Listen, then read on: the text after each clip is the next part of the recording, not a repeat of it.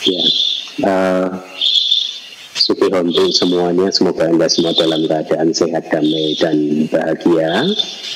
Kita bertemu kembali di kelas Pariyati Sasana ya di hari Minggu. Kelas ini adalah kelas yang keempat ya untuk Suta Maha Manggala Suta. Sebelum saya menguraikan apa yang diajarkan di kitab komentar, saya akan meminta petugas untuk membacakan sutanya dulu secara penuh supaya Anda tidak lupa benang merahnya ya, supaya Anda masih uh, bisa mengikuti alur cerita dari suta ini. Untuk itu silahkan uh, eh, PIC untuk membacakan sutanya. Berikut telah didengar oleh saya pada satu waktu Begawan tinggal di Sawati di Wihara Cetawana yang sangat menyenangkan, milik Anata Pindika. Kemudian ketika malam telah larut, satu dewata tertentu yang bukan main keelokannya, setelah menerangi seluruh penjuru Wihara Cetawana, menghampiri tempat di mana Begawan berada. Setelah mendekat dan menyembah dengan penuh rasa hormat kepada Begawan, dia berdiri di satu tempat yang sepatutnya. Dengan berdiri di satu tempat yang sepatutnya, Dewa tersebut menyapa begawan dengan menggunakan syair. Banyak dewa dan manusia telah memikirkan tentang berkat-berkat, mengharapkan keamanan, sebutkanlah berkat yang utama. Tanpa pergaulan dengan orang-orang yang bodoh, pergaulan dengan orang-orang yang bijaksana, dan pemujaan kepada mereka yang patut untuk dipuja, itulah berkat yang utama. Kediaman di wilayah yang sesuai dan kebajikan yang telah dilakukan di masa lalu, pengarahan diri sendiri dengan benar, itulah berkat yang utama. Banyak pengetahuan dan keterampilan, disiplin yang telah dilatih dengan baik, dan kata-kata yang diucapkan dengan baik, itulah berkat yang utama. Pelayanan terhadap ibu, ayah, perlakuan yang baik pada anak istri, dan pekerjaan yang jujur, itulah berkat sanak saudara, perbuatan-perbuatan yang tidak tercela, itulah berkat yang utama. Pantang dan penahanan diri dari kejahatan, pengekangan diri dari minuman keras, kewaspadaan di dalam dama-dama yang baik, itulah berkat yang utama. Penuh rasa hormat dan kerendahan hati, puas hati dan rasa syukur, pendengaran dama pada waktu yang tepat, itulah berkat yang utama. Kesabaran dan kepatuhan, dan penglihatan para pertapa, Diskusi tentang dhamma pada waktu yang tepat, itulah berkat yang utama. Pertapaan dan kehidupan luhur, penglihatan kebenaran-kebenaran mulia, dan realisasi nibana, itulah berkat yang utama. Seseorang yang kesadarannya tidak bergoyang ketika disentuh oleh dhamma-dhamma duniawi, tanpa kesedihan, tanpa noda, aman, itulah berkat yang utama. Mereka yang telah melakukan hal-hal yang seperti itu adalah orang yang tidak terkalahkan di mana pun. Mereka pergi dengan aman di mana pun. Apa yang menjadi milik mereka tersebut adalah berkat yang utama. Khotbah tentang berkat-berkat, khotbah yang keempat telah selesai. Terima kasih uh, Pak Teguh. Itu tadi adalah sutanya, ya Uh, sebelum saya menyampaikan apa yang diajarkan di kitab komentar, saya akan sedikit uh, menyampaikan prolog begitu ya. Kebetulan tadi malam saya mendengarkan nasihat atau pesan Waisak yang disampaikan oleh salah seorang Seadoji yang terkenal di Myanmar yaitu Sitagu Seado ada Asin Nyanisara, Nyanisara.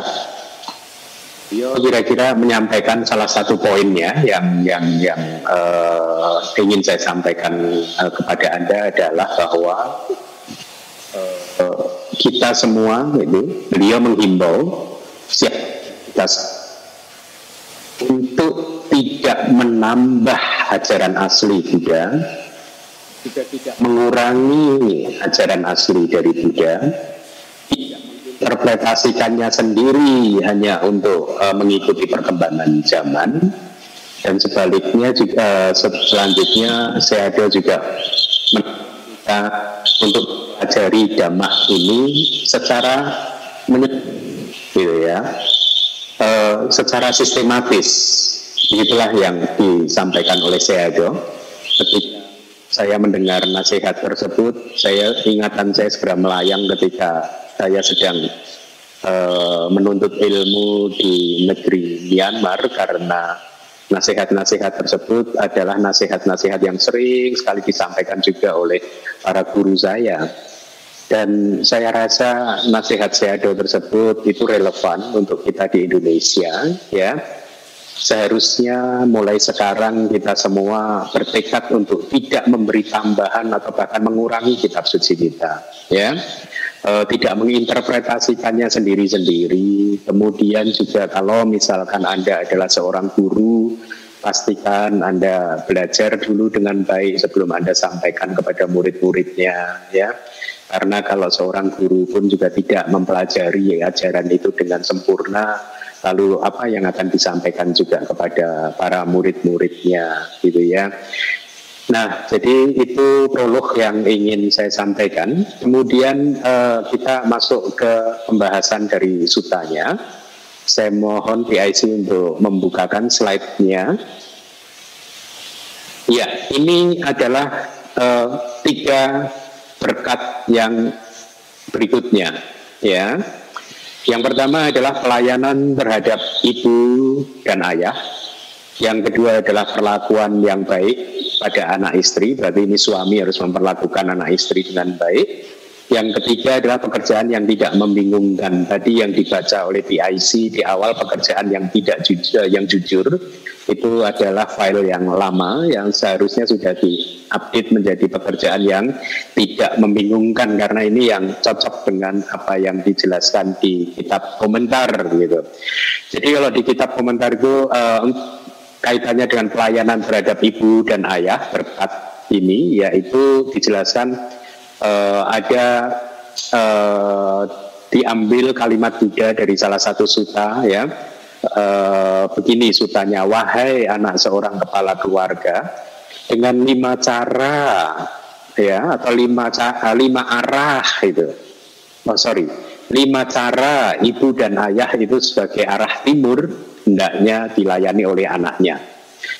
Anda mendengar ada kata arah timur, jadi uh, ini adalah berasal dari salah satu sutra yang bernama Sigalowada Suta. Kalau Anda ingin uh, mempelajarinya, Anda bisa cari nama sutanya Sigalowada Suta.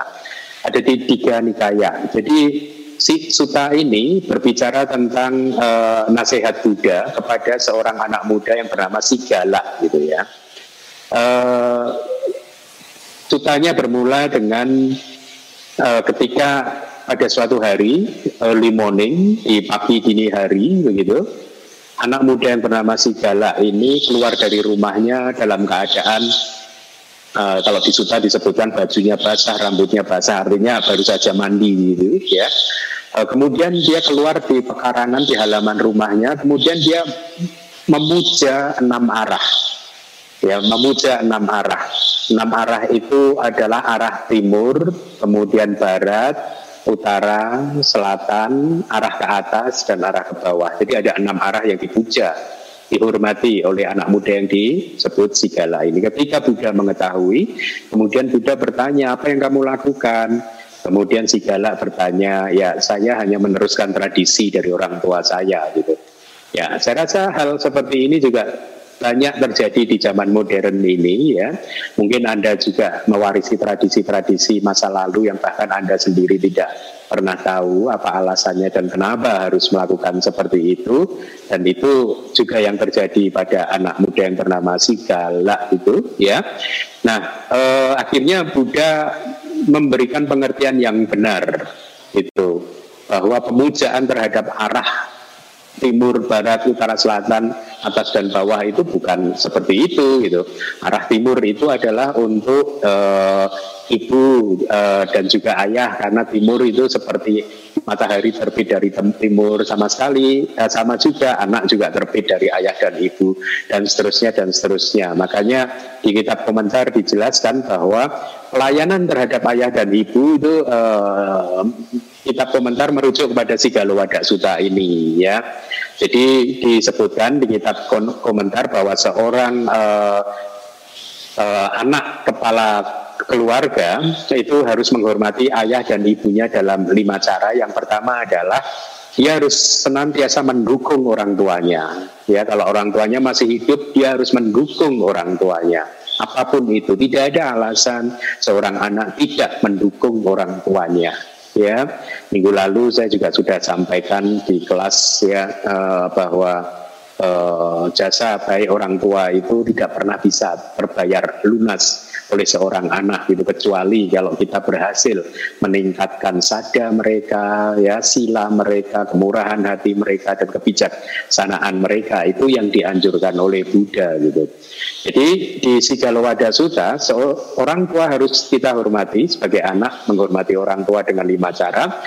Yang pertama adalah dengan mendukung mereka ya apa pun itu. Yang kedua adalah uh, saya akan melaksanakan tugas-tugas mereka. Kita harus bertekad untuk melaksanakan tugas-tugas orang tua gitu. Yang ketiga adalah uh, kita harus juga bertekad untuk melanjutkan tradisi-tradisi keluarga begitu ya.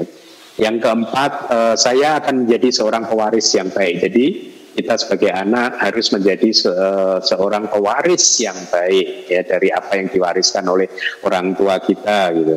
Kemudian yang kelima, saya akan memberikan persembahan ketika kedua orang tua atau salah satu dari orang tua meninggal dunia. Artinya apa?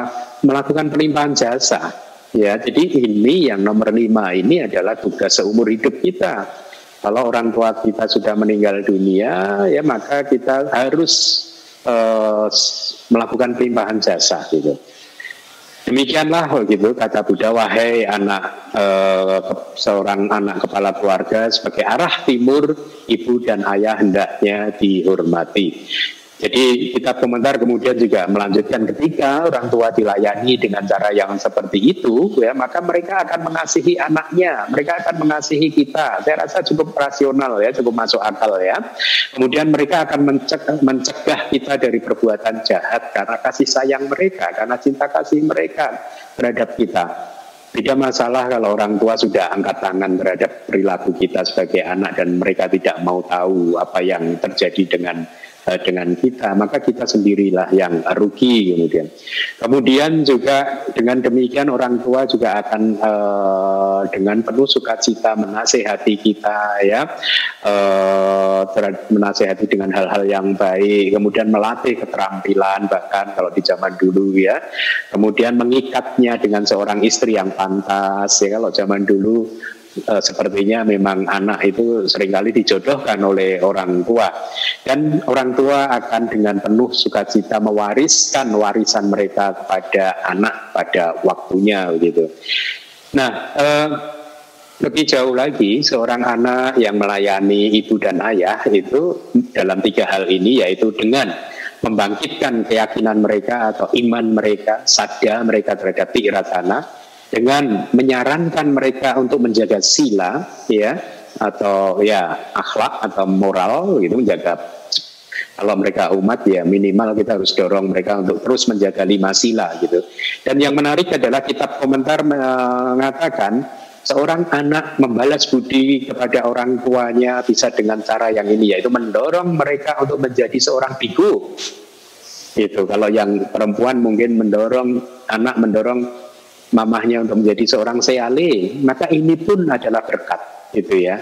Dia disebutkan bahkan di uh, kitab komentar, anak yang seperti itu adalah anak yang terbaik di antara mereka yang melayani ibu dan uh, ayahnya. Jadi lihat kita uh, sebagai anak uh, di bimbing, diberi petunjuk oleh kitab komentar untuk melakukan hal-hal yang seperti itu. Tanpa adanya kitab komentar kita juga tidak akan tahu tuh nasihat-nasihat seperti itu ya. Nah, pelayanan kepada ibu dan ayah tersebut, nah pelayanan anak yang seperti itu ya, disebut sebagai sebuah berkat karena hal tersebut itu menjadi sebuah satu bentuk balas budi kita sebagai anak kepada orang tua atas kebaikan yang telah dilakukan oleh ibu dan ayah uh, kita gitu. dan akan menjadi sebab untuk berbagai manfaat berbagai keuntungan baik di kehidupan saat ini maupun di kehidupan kehidupan kita yang berikutnya gitu.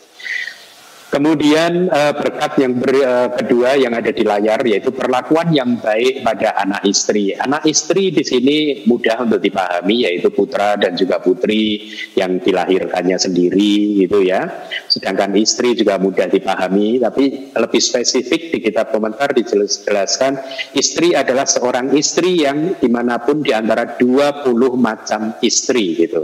Jadi 20 macam istri itu kalau tidak salah saya sudah kupas di buku tak saya yang berjudul Kama, Pusaran Kelahiran Tanpa Awal dan Tanpa Akhir, atau di buku manual Abidama yang kelima. Anda bisa baca di sana 20 macam tersebut apa begitu ya.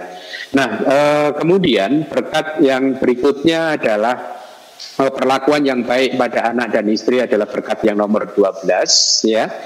Eh, hal berkaitan dengan hal tersebut, Begawan atau Buddha menyampaikan hal seperti ini. Arah barat hendaknya dipahami sebagai anak istri, jadi masih dari suta yang sama yaitu Sigalo Wada Suta. Kalau tadi orang tua itu e, merepresentasikan sebagai arah timur, kalau anak dan istri adalah arah barat, begitu ya. Itu hanya satu perumpamaan saja gitu. Nah, e, selanjutnya Wahai dalam Sigalowada Sutta disebutkan begini, wahai anak e, seorang kepala keluarga, dengan lima cara seorang istri sebagai arah barat itu harus dilayani oleh seorang suami. Jadi ini bagus untuk para suami untuk Anda pahami bahwa Anda harus memperlakukan anak istri Anda dengan baik. Terhadap istri, Buddha mengajarkan ada lima cara ya yang harus Anda lakukan untuk memperlakukan istri Anda dengan baik. Yang pertama adalah seorang suami harus memuliakan istrinya, memuliakan, bukan menindas, bukan malah membuatnya depresi, bukan malah membuatnya sedih begitu ya.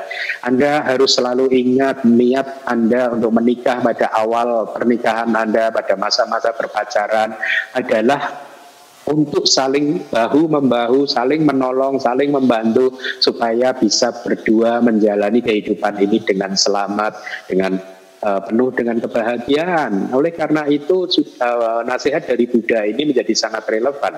Seorang suami harus memuliakan istrinya. Ya, anda harus memuliakan istri. Istri Anda itu adalah seseorang yang mulia gitu ya. Dengan anda juga tidak boleh menista istri tersebut, istri Anda. Ini adalah nasihat yang kedua yang diberikan oleh Buddha. Sedangkan yang ketiga, seorang suami hendaknya tidak bersinah. Gitu. Itu nasihat dari Buddha. Yang nomor empat, hendaknya tidak memberi uh, seorang suami hendaknya memberikan otoritas yang penuh kepada istrinya ya memberikan apa ya otoritas uh, apa hmm, hak kepada istri untuk melakukan apa yang memang menjadi wilayah dari istri tersebut gitu. Kemudian yang kelima, seorang suami hendaknya memberikan perhiasan kepada istrinya. Jadi itu nasihat Buddha ya. Uh, kemudian kalau tadi terhadap istri, lalu bagaimana uh, terhadap uh, uh, terhadap istri ya? Karena kalau seorang suami menghormati dengan ada istri dengan lima cara itu, maka seorang istri akan sayang kepada suaminya, begitu kata kitab komentar ya. Pekerjaan-pekerjaan di rumah atau apa pun itu akan diatur oleh seorang istri dengan baik karena dia happy gitu ya. Dia ingin juga membalas budi kepada suaminya. Dia akan ramah kepada para pembantunya. Dia juga tidak bersinah, gitu ya, menjaga apa yang telah dikumpulkan. Ya, artinya Anda bekerja keras mengumpulkan harta benda dan istri akan menjaganya dengan baik itu ya. Kemudian uh, dia akan berjuang untuk menjadi orang yang terampil dan tidak malas di dalam pekerjaan rumah tangga. Ya, Anda harus pahami bahwa suta ini ditulis uh, disampaikan oleh Buddha di zaman India dulu lebih dari 2500 tahun yang lalu. Jadi uh, mungkin kultur kehidupan di India waktu itu seperti itu. Jadi memang sebenarnya ketika kita membaca kitab komentar dan kitab subkomentar ya saya itu sering jadi uh, suka sekali membaca kitab-kitab tersebut karena saya bisa membayangkan suasana uh, kehidupan sosial di India salah satunya ya itu seperti apa. Nah, atau seorang suami juga harus memperlakukan istrinya dengan baik dengan cara yang lain. Misalkan memperlakukan eh, yang baik dengan cara memperlihatkan keramahan melalui pemberian melalui dana gitu ya. Anda harus sering memberikan sesuatu hadiah gift kepada istri Anda gitu ya. Dengan sering mengucapkan kata-kata yang menyenangkan dan juga sering melakukan perbuatan yang baik. Misalnya perbuatan baik itu disebutkan di dalam uh, kata-kata adalah Anda sebagai seorang suami memberikan satu biaya atau uang yes, uh, biaya pengeluaran di hari uposaka gitu ya. Mengajak mereka untuk melihat perayaan di hari raya gitu ya. Uh, melakukan upacara-upacara di hari-hari yang penuh keberuntungan menasehati dan mengingatkan mereka dalam hal-hal yang bermanfaat ya untuk kehidupan uh, kali ini dan kehidupan yang akan datang gitu. Dan bahkan uh, ada contoh di dalam kitab komentar itu diberi contoh seperti Saka. Saka itu raja para dewa gitu ya. Saka raja para dewa berkata demikian. Saya memuliakan mereka wahai matali, para perumah tangga yang melakukan kebajikan, para upasaka yang berakhlak, bermoral, ya memiliki sila itu yang merawat istrinya dengan baik. Jadi kalau Anda seorang suami merawat istri dengan baik, bahkan dewa saka pun ya akan memuliakan Anda, ya akan menghormati Anda. Itu maksudnya gitu. Kemudian berkat yang berikutnya yang terakhir adalah pekerjaan yang tidak membingungkan. Ya, pekerjaan yang tidak membingungkan itu artinya pekerjaan yang Eh, seperti misalkan kalau di kitab komentar itu diberi contoh e, seperti pertanian, pemeliharaan ternak, kemudian juga berdagang dan lain-lain yang karena dikerjakan dengan cara yang tepat ya, dengan waktu yang tepat ya, kemudian juga e, cocok teknologinya cara Anda mengerjakannya ya. Dengan tidak bermalas-malasan demikian kata kitab komentar gitu. Kemudian dengan tidak mencelakai siapa pun maka pekerjaan yang tanpa adanya keadaan-keadaan yang seperti itu ya melakukan pekerjaan seperti itu ya eh, itu adalah satu berkat ya. Dan Anda hanya akan bisa melakukan pekerjaan itu kalau Anda sendiri tidak bingung terhadap pekerjaan yang Anda ambil wilayah pekerjaan yang Anda ambil gitu ya e, kalau Anda benar-benar menguasai pekerjaan tersebut, maka kalau Anda ingin bekerja, pastikan Anda mendapatkan pekerjaan yang tidak membingungkan. Itu pekerjaan yang Anda benar-benar menguasainya, gitu ya. Nah, hal akan menjadi berbeda kalau Anda melakukan pekerjaan yang Anda tidak menguasainya. Kalau di kitab komentar disebutkan, kalau Anda adalah petani dan Anda menanam tidak tepat pada waktunya, maka hasilnya juga tidak akan baik, gitu ya. Jadi uh, kita uh, harus memilih satu pekerjaan supaya menjadi berkat, maka pekerjaan itu haruslah pekerjaan yang benar-benar kita kuasai, tidak membingungkan kita gitu.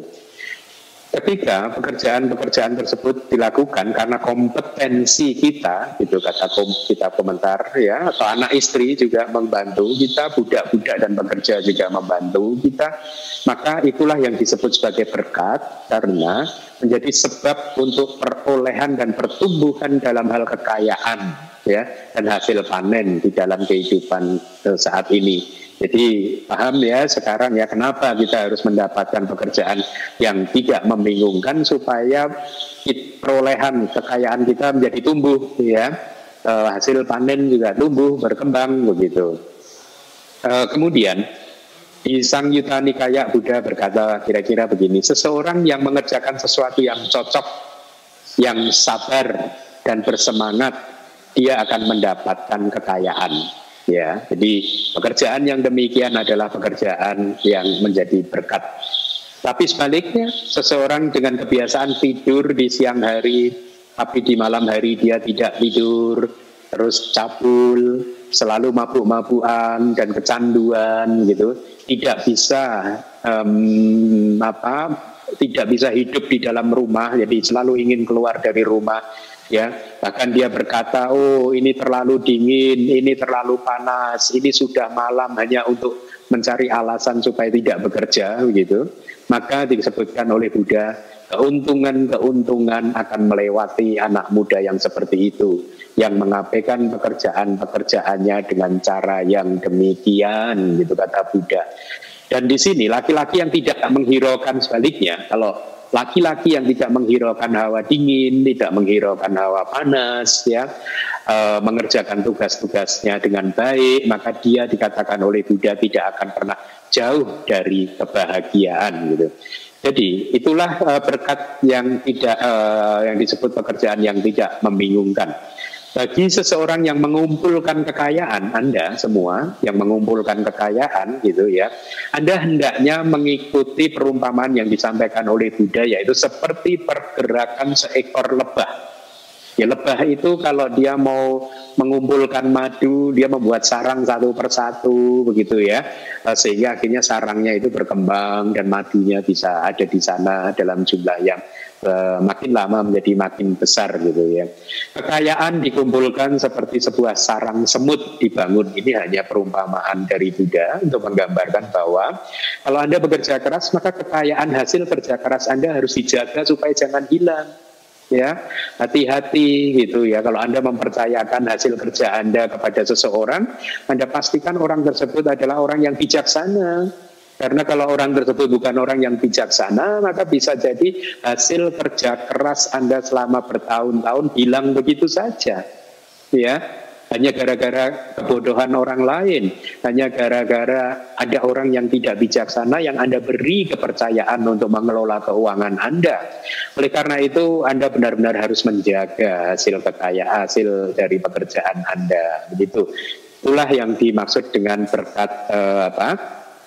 Uh, uh, pekerjaan yang tidak membingungkan. Jadi di slide 265 ini ya ada per, uh, per, uh, uh, apa, beberapa berkat yang sudah disampaikan ya uh, apa uh, kita pindah ke slide berikutnya 266 untuk melihat uh, slide yang baru. Uh, seterusnya saja 266 saja. Iya, iya di sini. Uh, di sini kita diberi petunjuk lagi oleh Buddha untuk berkat-berkat yang berikutnya, yaitu dana. Ya, saya terjemahkan apa adanya karena kata pali dana itu ternyata sesuai dengan arti dari kata dana dalam bahasa Indonesia. Anda bisa lihat kamus besar uh, bahasa Indonesia gitu ya. Artinya sama. Dana adalah satu berkat, perilaku yang baik itu juga adalah satu berkat, bantuan kepada sanak saudara itu adalah satu berkat, perbuatan-perbuatan yang tidak tercela itu adalah satu berkat. Nah sekarang di dalam kalimat atau berkat yang pertama tentang dana gitu ya, apa sih definisi dana? Kita komentar memberikan perumpamaan. Dana adalah dhamma yang karenanya atau melaluinya gitu ya, maka sebuah hadiah diberikan ya apa pun Anda memberikan sesuatu diberikan istilah oleh kitab sebagai satu hadiah gitu ya e, memberikan apa pun kepada siapa pun maka itu adalah dana anda bisa memberikannya kepada sangga atau kepada bahkan kucing, binatang dan lain sebagainya itu pun juga adalah dana gitu. Kemudian yang dimaksud uh, adalah seseorang memberikan sesuatu yang dimilikinya kepada orang lain. Nah, itu kita komentar menjelaskannya dengan cukup bagus. Jadi sesuatu yang dimilikinya gitu. Karena eh, kalau anda berkata kepada orang lain, eh eh minta dong ini saya mau danakan ke si A. Nah itu tidak tepat. Ya jadi harus yang didanakan adalah sesuatu yang sudah menjadi milik anda. Kemudian perilaku yang baik atau perilaku yang tidak jauh dari dhamma itu itu yang disebut sebagai perilaku yang baik. Orang-orang tahu bahwa uh, uh, ini definisi dari sanak saudara, bantuan kepada sanak saudara, gitu ya. Di kitab komentar dijelaskan bahwa orang uh, sanak saudara itu seperti apa sih ya definisinya tentunya kita sudah paham yaitu orang-orang tahu bahwa mereka adalah saudara saya gitu ya. Demikianlah itu sanak saudara. Yang disebut perbuatan yang tidak tercela, tidak tercela itu artinya adalah tidak ada cemooh dari orang lain, tidak disangkal kebaikannya gitu ya. Sisanya adalah sesuai dengan cara yang telah disampaikan.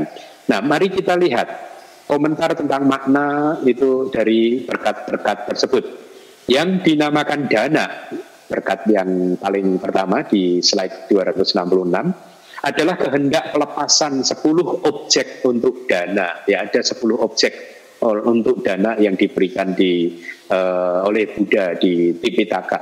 Saya rasa di uh, uh, di manual abidama saya yang pertama pun mungkin ada atau manual abidama yang kelima juga ada. Anda bisa lihat di sana gitu ya. Uh, seperti makanan dan lain-lain gitu, itu salah satu dari 10 objek untuk didanakan yang ditujukan kepada makhluk lain tetapi harus didahului oleh pengertian yang jelas. Inilah yang disebut kalau di dalam abidama nyana sampayuta. Jadi kita harus melakukan karma dengan disertai akar yang disebut uh, amoha tanpa delusi atau akar kebijaksanaan. Caranya bagaimana? Anda sebelum berdana Anda harus senantiasa merenungkan bahwa berdana adalah bagus, ini adalah karma baik, ini adalah kebajikan, ini adalah perbuatan yang dipuji oleh orang bijaksana gitu atau bahkan kalau Anda adalah meditator Anda merenungkan bahwa ini yang akan saya danakan adalah materi yang muncul dan lenyap. Saya sendiri pun pikiran saya juga muncul dan lenyap. Yang menerima persembahan dana saya juga adalah mungkin hanyalah pancakanda yang muncul dan lenyap. Maka dengan demikian Anda sudah mendahului dana Anda itu dengan pengertian yang baik ya, dengan pengetahuan, dengan kebijaksanaan gitu. Nah, atau disebut dana itu sebagai karena ini ada tanpa keserakahan gitu ya. Adanya kalau di kitab komentar itu secara spesifik dana itu adalah uh, kehendak yang disertai dengan tanpa keserakahan kira-kira begitu ya. Nah sesungguhnya melalui tanpa keserakahan atau akloba ya seseorang memberikan objek tersebut kepada orang lain. Anda tidak bisa melepaskan objek dengan keserakahan tidak bisa sesungguhnya Makanya kita komentar menjelaskan ketika Anda berdana, maka yang melepas itu adalah satu cetasika atau faktor mental yang disebut tanpa keserakahan gitu ya. Oleh sebab itu dikatakan disebut dana karena melaluinya sebuah hadiah itu diberikan. Artinya melalui tanpa keserakahan itulah sebuah hadiah diberikan. Jadi hal ini disebut sebagai berkat karena menjadi sebab untuk pencapaian bermacam-macam buah yang baik di dalam kehidupan yang saat ini maupun di kehidupan yang akan datang. Misalnya dia akan disayang oleh orang lain dan dia akan menjadi orang yang sangat menawan hati banyak orang dan lain sebagainya. Dan di sini khotbah-khotbah yang uh, seperti ini, seperti yang berikut ini, tidaknya diingat-ingat seorang donor wahai siha ampu dalam dana ya uh, saya ulangi lagi seorang donor wahai siha ampu dalam dana akan disayangi dan menawan hati banyak orang gitu ya ini kalau tidak salah di buku penjelasan Sutanta jilid 2 yang saya ter, uh, tulis ada siha uh, itu apa khotbah Eh, kepada siha gitu kalau nggak salah ya dana siha gitu. Yang dinamakan dana, nah ini kita komentar juga tidak lupa memberikan petunjuk kepada kita ada dua macam dana yang Anda pasti sudah tahu. Yang pertama adalah amisah dana. Anda tahu itu amisah dana yaitu dana materi dan uh, yang kedua adalah dhamma dana. Dana berupa dhamma gitu ya. Di sini Dana materi tidak lain adalah yang telah disebutkan di atas itu dana materi. Tapi bagaimana dengan dama dana ya? Eh, selama ini Anda sering mendengar dana, dama, dama, dana begitu ya. Maka next slide saya mohon uh, eh, PIC. Ya, Inilah sekarang Anda saya berikan definisi dhamma dana yang benar yang ada di dalam kitab komentar. Kenapa harus saya berikan di sini dalam satu slide begitu? Karena saya melihat di Indonesia sering sekali banyak terlalu mudah orang menggunakan istilah dhamma dana, sedikit-sedikit dhamma dana, dhamma dana, menganjurkan umat untuk berdana dengan uh, apa uh, dengan satu ini bahwa ini adalah dana dana yang mengungguli segala jenis dana. Tapi sesungguhnya yang didanakan bukan dhamma gitu ya. Lalu mari kita lihat definisi di kitab uh, komentar tentang dhamma dana. Anda lihat di layar selanjutnya dana dhamma atau dhamma dana alinya adalah pengajaran dhamma yang telah diperkenalkan oleh sama Sang Buddha. Anda lihat itu Anda garis bawahi itu. Ini hanya berlaku untuk dhamma yang telah diperkenalkan oleh sama Sang Buddha. Ya, kalau Anda berdana dhamma tapi dhammanya adalah dhamma yang tidak pernah diperkenalkan oleh sama Sang Buddha, maka itu bukan dhamma dana, gitu ya. Dengan maksud untuk kesejahteraan bagi orang lain, membawa kebahagiaan dan kehancuran penderitaan di dunia ini dan di dunia yang lain, nah di dunia yang berikutnya. Itulah mengapa saya merindukan sebenarnya mengimpikan suatu hari nanti di Indonesia. Semua ceramah-ceramah dhamma itu hanyalah ceramah-ceramah yang mengupas Tipitaka, kitab komentar dan kitab subkomentar. Dan ini inline dengan nasihat dari si Bagus Sayado yang tadi di awal kelas sudah saya sampaikan.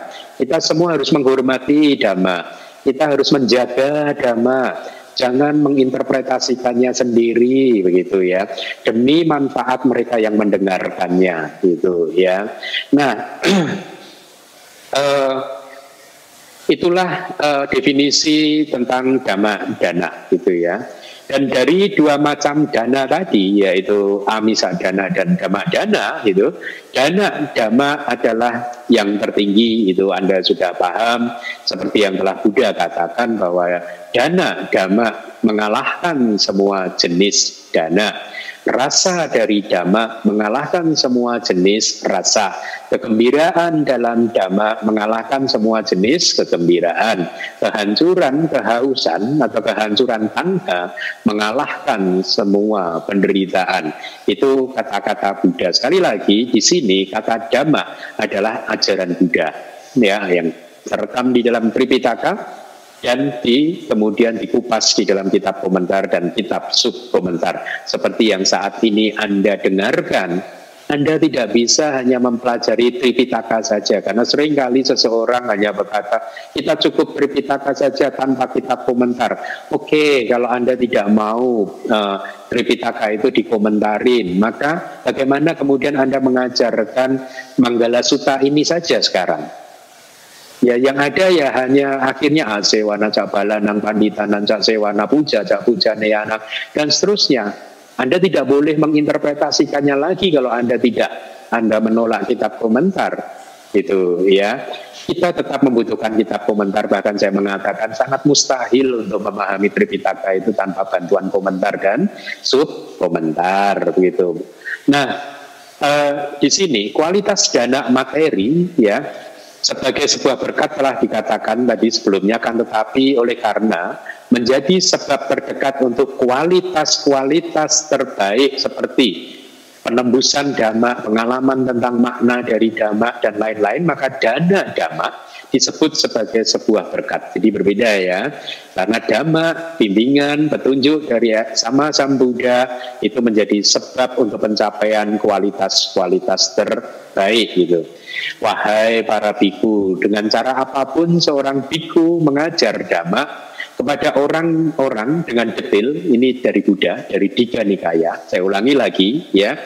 Wahai para biku, dengan cara apa pun seorang biku mengajar dhamma gitu, ya, kepada orang-orang dengan detail, seperti yang telah dia dengar dan dia pahami dan dengan cara itulah dia mengalami makna dhamma dan mengalami uh, dhamma tersebut begitu. Kemudian yang berikutnya adalah perilaku yang baik disebut sebagai perilaku yang baik itu adalah karena perilaku ini sesuai dengan 10 jalan kama baik. Jadi dengarkan ya Perilaku yang baik adalah perilaku yang sesuai dengan dasar kusala kama pada bahasa palinya. Atau sepuluh jalan perbuatan atau kama yang baik. Anda harus hafal apa itu sepuluh kama yang baik itu seperti yang dikatakan oleh Buddha berikut ini gitu. Wahai para kepala keluarga terdapat tiga macam perilaku yang baik dan perilaku yang seimbang melalui tubuh ucapan dan pikiran gitu ya. E, karena dari 10 karma baik itu bisa diurai menjadi karma yang muncul melalui pintu tubuh, pintu uh, ucapan, dan pintu mental atau pintu batin begitu ya. Nah, uh, perilaku yang baik sebagai berkat yang berikutnya itu hendaknya dipahami kenapa disebut sebagai berkat karena menjadi sebab untuk pencapaian kelahiran kembali di dunia para dewa itu kata kitab komentar. Kalau Anda melakukan 10 karma baik, maka karma baik Anda itu adalah akan menjadi sebab untuk pencapaian kelahiran di bumi para dewa. Anda akan lahir di surga, gitu ya. Karena hal yang berikut ini telah dikatakan oleh pegawan, wahai para kepala keluarga, disebabkan oleh perilaku yang baik dan perilaku yang seimbang yang seperti itu, di sini beberapa makhluk dari terurainya tubuh artinya setelah kematiannya gitu uh, dia akan lahir kembali di tempat tujuan kelahiran yang baik di dunia surgawi. Ya jadi kalau anda melakukan berkat berupa perilaku yang baik yaitu melakukan 10 karma baik, jalan karma baik, maka itu akan menjadi berkat karena menjadi satu sebab untuk kelahiran di salah satu dari enam alam surga. Kemudian berkat yang berikutnya adalah sanak uh, yang dimaksud dengan sanak saudara adalah siapa pun yang ada hubungan darah dari ayah maupun dari ibu, ya saya rasa kita paham. Hingga tapi di kitab komentar dibatasi begini bahkan ini hingga kakek dari generasi yang ketujuh gitu ya. Uh, saya belum sempat membuka penjelasan tentang generasi yang ketujuh karena di di Suta ini tidak ada kitab komentarnya, tapi biasanya bisa dilacak di komentar-komentar yang lain gitu. Ya kalau kita search, kita cari di kitab komentar yang lain biasanya ada penjelasannya dan saya belum sempat mencarinya. Kemudian berkat yang berikutnya adalah perbuatan yang tidak tercela, adalah perbuatan yang menunjukkan uh, satu perbuatan yang baik gitu ya, melalui tubuh, ucapan maupun juga pikiran gitu, yaitu Misalkan diberi contoh di dalam kitab komentar pelaksanaan faktor-faktor uposata. Ya, jadi ketika Anda di hari uposata, Anda mengambil sila uposata dan Anda melaksanakannya, maka inilah perbuatan yang tidak tercela. Kemudian melakukan WA Waca, pelayanan seperti tim WA Waca di DBS, itu juga adalah perbuatan yang tidak tercela. Menanam pohon untuk taman dan hutan, ya, untuk taman dan hutan itu juga perbuatan yang tidak tercela. Membangun jembatan dan lain-lain juga adalah perbuatan yang tidak tercela gitu. Nah, kita juga dalam berkat yang lain memberikan bantuan kepada sanak saudara, ya ketika kapan kita harus memberikan bantuan kepada sanak saudara, kita berikan bantuan ketika mereka sedang kehilangan kekayaan atau mereka sedang sakit atau menua ya serta telah datang mendekat ke seseorang uh, telah datang untuk mendekat. Kalau ada sanak saudara mendekat ke kita ya karena ada sesuatu yang diperlukan maka hendaknya kita membantu mereka dan itu adalah berkat perlakuan yang baik kepada mereka ya dengan memperlakukan mereka dengan memberikan makanan dan pakaian itu pun adalah berkat. Uang dan hasil panen sesuai kemampuan disebut juga sebagai sebuah berkat karena menjadi sebab pencapaian keistimewaan untuk kehidupan yang saat ini seperti pujian dan lain-lain.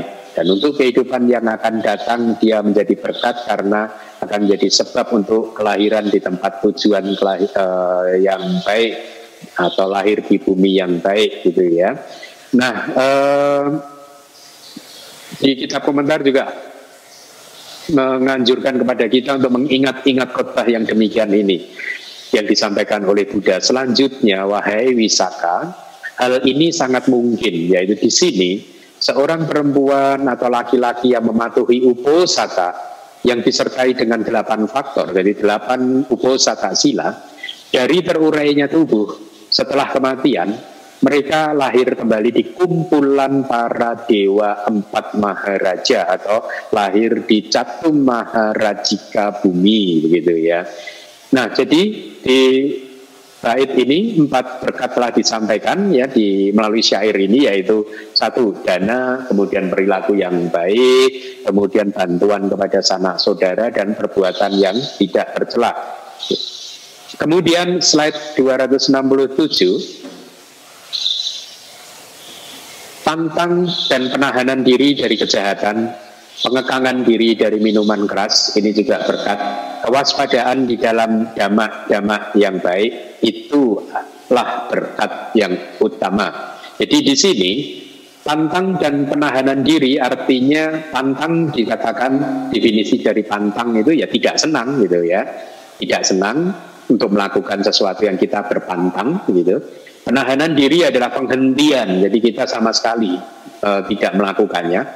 Atau uh, disebut penahan diri karena makhluk-makhluk berhenti untuk melakukan sesuatu yang tidak baik karena dia, artinya karena faktor mental penahanan diri. Kalau mereka yang belajar abidama, ya kalau anda yang para pelajar abidama, ini adalah faktor mental tiga wirati, ya.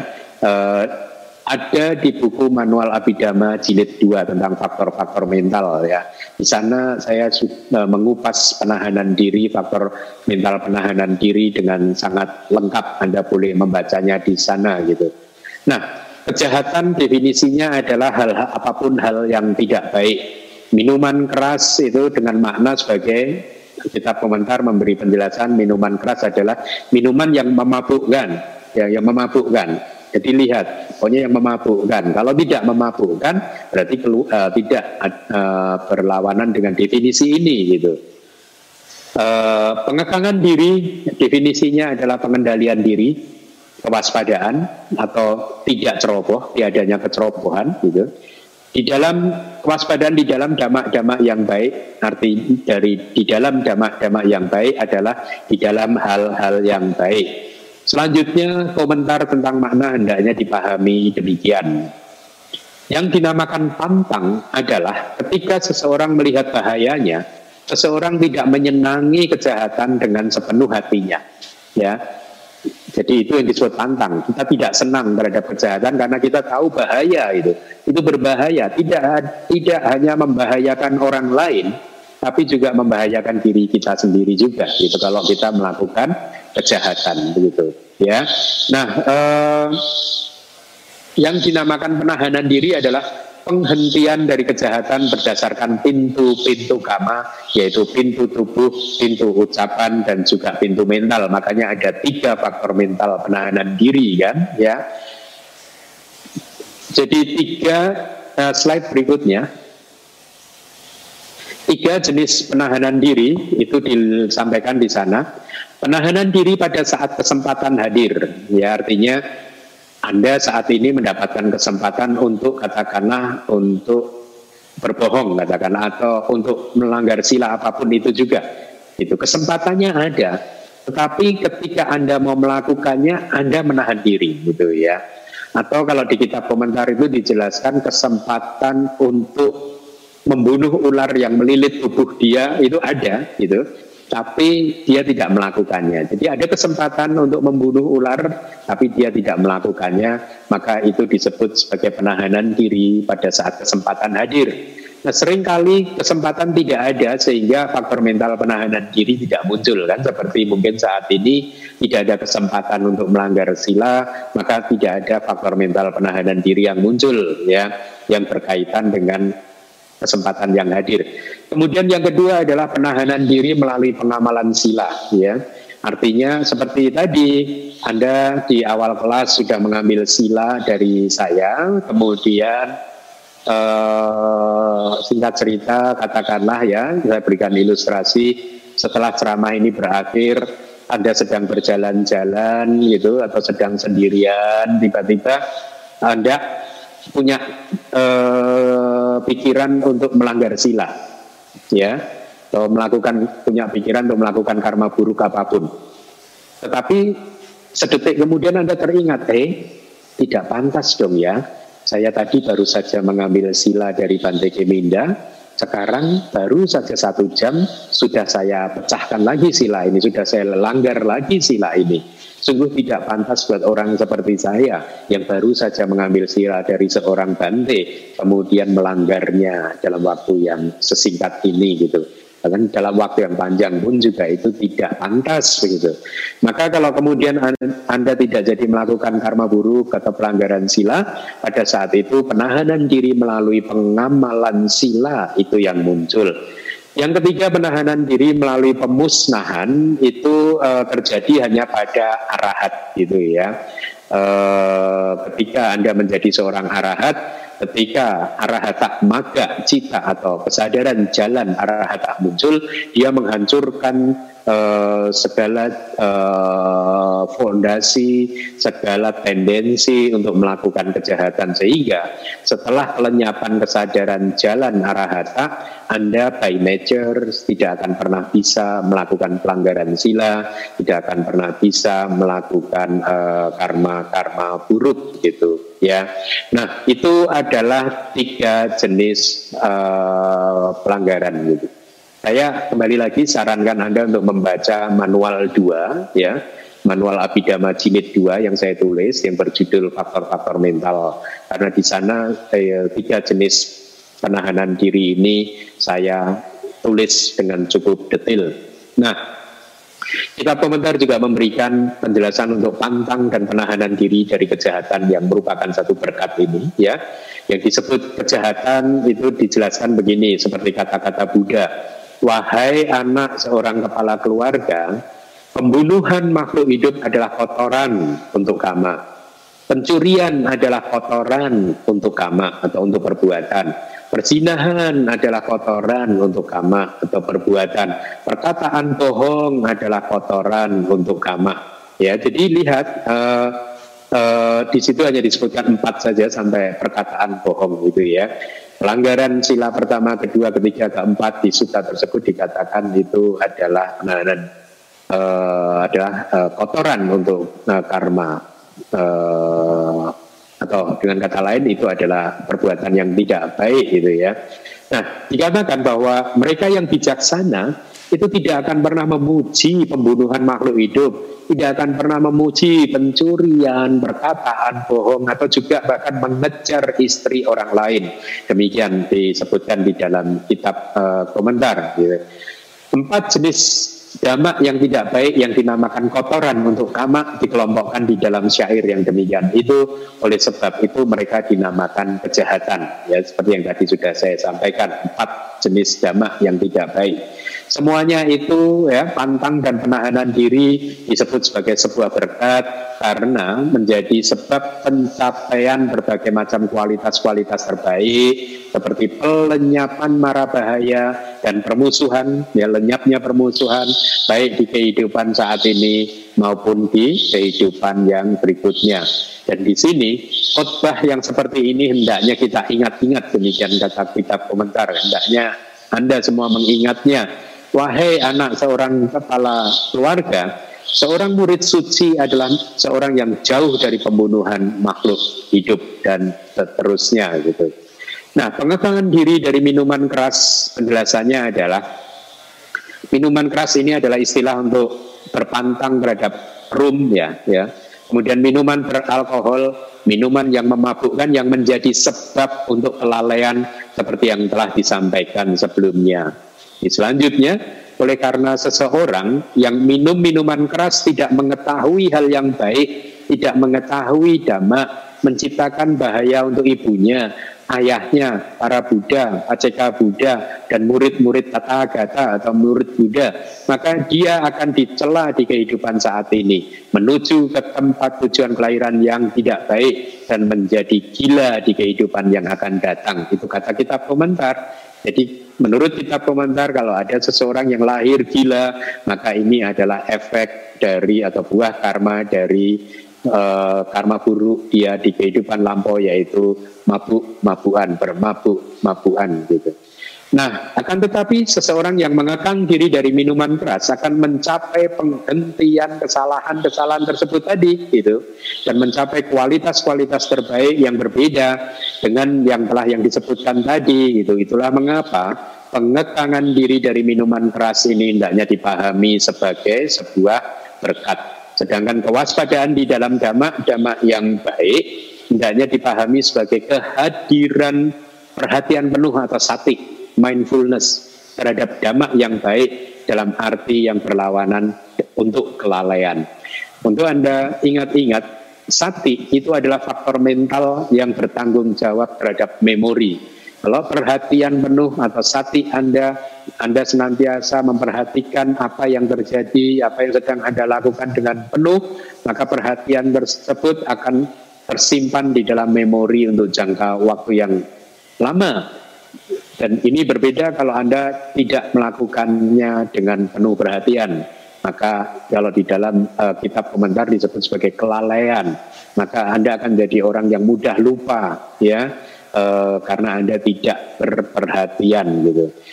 Nah, seperti yang disampaikan oleh Buddha, tidak mengerjakan sesuatu dengan hati-hati ya untuk pengembangan damak-damak yang baik, dia tidak mengerjakan sesuatu dengan hati-hati. Pengembangan damak-damak yang baik itu ya pengembangan faktor-faktor mental yang baik, gitu ya, cetasika-cetasika yang baik, gitu, ya. E, tidak mengerjakannya dengan ketekunan apa pun itu pekerjaannya, tidak mengerjakannya dengan ketabahan, ya, mengerjakannya dengan kelesuan, ya, dorongan hatinya telah diletakkan, malas, tidak mau berjuang lagi, sikap pantang mundurnya telah diletakkan tanpa pencarian, tanpa pengembangan, tanpa semangat dalam mengerjakan sesuatu, tanpa tekad yang bulat, tanpa tujuan yang jelas, ya.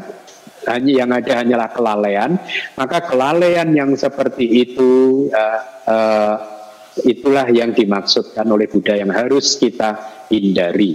Nah, kewaspadaan di dalam damak-damak yang baik disebut sebagai sebuah berkat karena menjadi sebab untuk pencapaian berbagai hal yang baik dan pencapaian tanpa kematian. Artinya, kewaspadaan terhadap damak-damak yang baik menjadi sebab untuk pencapaian segala hal yang baik, pencapaian jana, ya, pencapaian maga, pala dan pencapaian nibana. Pencapaian nibana disebut sebagai pencapaian tanpa kematian. Gitu. Di sini ajaran-ajaran guru atau ajaran-ajaran Buddha yang demikian ini hendaknya diingat-ingat. Seorang yang waspada, yang gigih dan seterusnya. Ya kita harus menjadi orang yang waspada dan gigih atau kewaspadaan adalah jalan menuju tanpa kematian. Kewaspadaan adalah jalan menuju ke nibbana.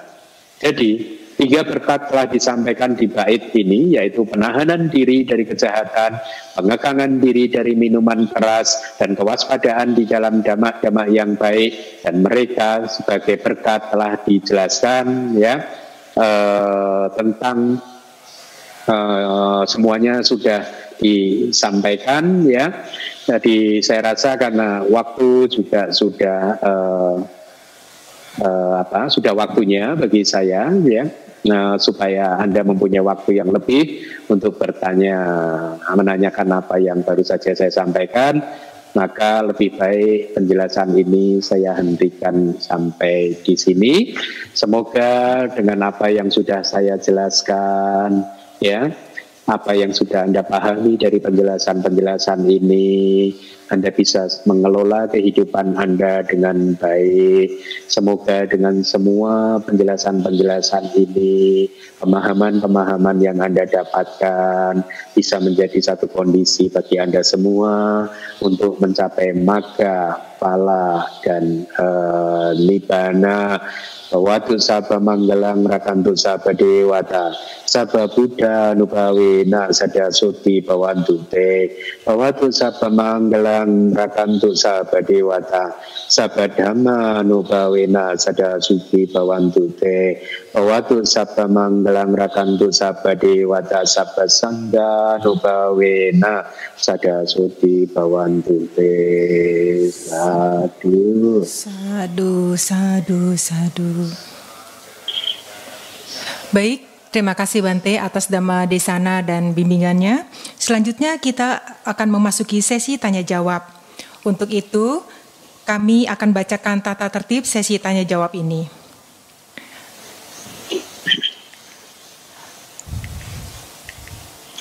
Saat sesi tanya jawab, bagi yang ingin bertanya, disilahkan mengklik tanda raise hand, di mana fitur ini ada di bagian partisipan bila yang menggunakan komputer dan laptop, dan ada di titik tiga bagi yang memakai handphone. Kami dari panitia yang akan menentukan siapa yang mendapatkan giliran untuk bertanya. Pertanyaan diharapkan sesuai dengan topik ceramah. Bagi yang diperbolehkan bertanya akan di-unmute oleh host. Jadi kalian minta tidak perlu melakukan apa pun. Dikarenakan adanya keterbatasan waktu, maka tidak semua penanya akan mendapatkan giliran. Jadi mohon maklum.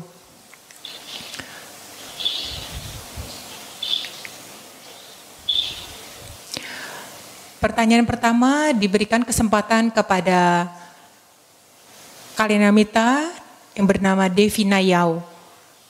Kepada saudari Devina Yau dipersilahkan. Oke, uh, Bante, saya ingin menanyakan dua hal. Yang pertama terkait dengan dana materi. Uh, Bante, uh, ketika kapan hari saya mendengar bahwa dana materi selayaknya diberikan menggunakan tangan kita sendiri.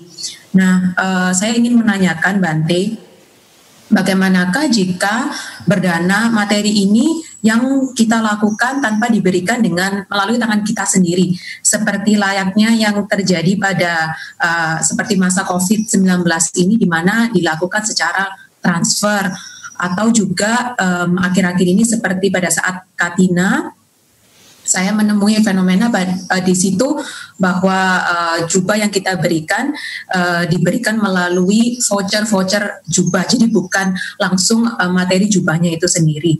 Nah, terkait dengan uh, berdana materi yang tidak diberikan melalui tangan kita sendiri seperti ini, uh, bagaimanakah hasil kebajikan uh, yang yang akan terjadi? Apakah akan sama seperti itu Bante?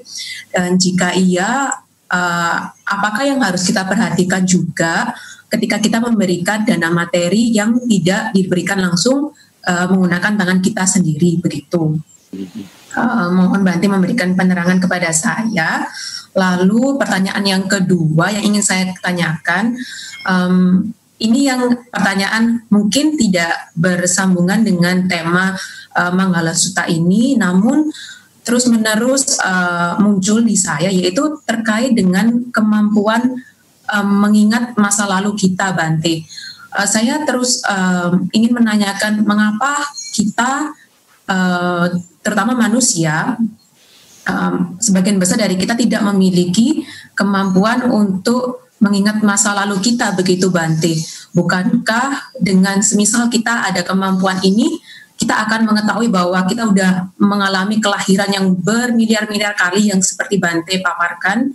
Dan kita akan lebih cepat menyadari bahwa oh ini sebenarnya kita udah berputar-putar ini di samsara. Dan kita akhirnya lebih cepat untuk sadar dan uh, berusaha berjuang untuk lepas dari roda samsara ini. Itu yang saya uh, ingin tanyakan. Karena ketika kita melihat contohnya uh, makhluk lain seperti yang Bante katakan di uh, seperti contohnya yang uh, di makhluk alam peta, saya juga me merenungkan mengapa mereka memiliki kemampuan begitu. Mereka terlahir sebagai di alam peta, mereka memiliki oh mengingat masa-masa lalunya seperti itu, sedangkan manusia tidak memiliki kemampuan itu gitu. Uh, mungkin Bante bisa itu terus uh, berulang pertanyaan itu di pikiran saya, jadi mungkin Bante bisa memberi penerangan kepada saya itu dua pertanyaan dari saya. Uh, mohon Bante memberi penerangan. Baik. Terima kasih. Terima kasih uh, Saudari Devina ya. Yang pertama adalah uh, berdana dengan menggunakan tangan sendiri. Sebenarnya kalaupun Anda mentransfer, Anda pun juga sudah berdana dengan tangan Anda sendiri, begitu ya. Dan juga ketika Anda mentransfer, Anda mempunyai cetana. Cetana itu kehendak. Kehendak yaitu Anda akan melepaskan sebagian dari kepemilikan Anda kepada seseorang yang dituju begitu atau kepada objek yang akan dituju gitu sehingga eh, dengan ini pun sudah memenuhi definisi tadi yang disampaikan di dalam kitab komentar yaitu bahwa seseorang berdana itu melalui tanpa keserakahan. Artinya anda hanya akan bisa melepaskan uh, transferan Anda katakanlah begitu kalau Anda tidak serakah. Artinya tidak. Tanpa keserakahan itu aloba. Mungkin harus saya jelaskan. Aloba. Itu memang diterjemahkan jadi tanpa keserakahan. Tetapi aloba itu faktor mental yang mempunyai range yang sangat luas, ya yang mencakup segala jenis pelekatan, attachment, gitu. Itu adalah loba ya. Dari mungkin nafsu yang yang yang yang yang yang lemah sekali gitu nafsu terhadap makanan, minuman atau apa gitu, sampai nafsu yang menggebu-gebu itu semua juga tercakup dalam faktor mental aloba atau tanpa keserakahan gitu. Kebalikan dari keserakahan, keserakahan adalah attachment. Kalau Anda attach to your uh, stuff, maka Anda tidak akan bisa melepaskan benda-benda tersebut. Nah, oleh karena itu ketika Anda berdana dengan melakukan transfer, di sana faktor cetana atau niat atau kehendak intention anda sudah terpenuhi bahwa Anda ingin berdana. Kemudian ada tanpa keserakahan di sana sudah terpenuhi. Kemudian pikiran Anda juga berdana kepada satu katakanlah satu sangga atau satu sangga tidak boleh terima uang ya atau mungkin satu institusi ya uh, mungkin saya akan sedikit menyilok uh, sebentar uh, kenapa sangga disebut sebagai ladang kebajikan yang tidak terbatas gitu kan ya di dalam kitab komentar dijelaskan sangga disebut sebagai ladang kebajikan yang tidak terbatas karena kitab komentar mengatakan banyak hal yang baik datang dari sangga gitu. Banyak hal yang baik yang datang dari sangga itu misalkan ajaran tentang bagaimana memahami ajaran Buddha datang dari sangga. Ya, ajaran tentang bagaimana mencapai jana datang dari sangga ajaran tentang bagaimana mencapai jalan, maka dan pala atau nibana datang juga dari sangga gitu. Nah dengan demikian saya sering meng, uh, me, mengartikannya juga kalau Anda juga melakukan berdana kepada satu institusi yang memang dia juga menyebarkan kata-kata Buddha, menyebarkan Tripitaka, maka itu pun juga adalah dana yang uh, baik begitu ya. Jadi meskipun uh, Anda hanya melakukan transfer, Anda melakukannya dengan tangan sendiri juga. Jadi itu sudah terpenuhi. Kemudian bagaimana dengan katina tadi? Kalau misalkan voucher, ya mirip penjelasannya juga sudah terpenuhi di sana, ya. Uh, seperti yang saya sampaikan bahkan di satu suta itu Buddha pernah menyampaikan dan manca palang dan manca palang oh kata-kata Buddha. Danan cak ani palang bahasa palinya. Ya. Nah, maaf, maaf sebentar.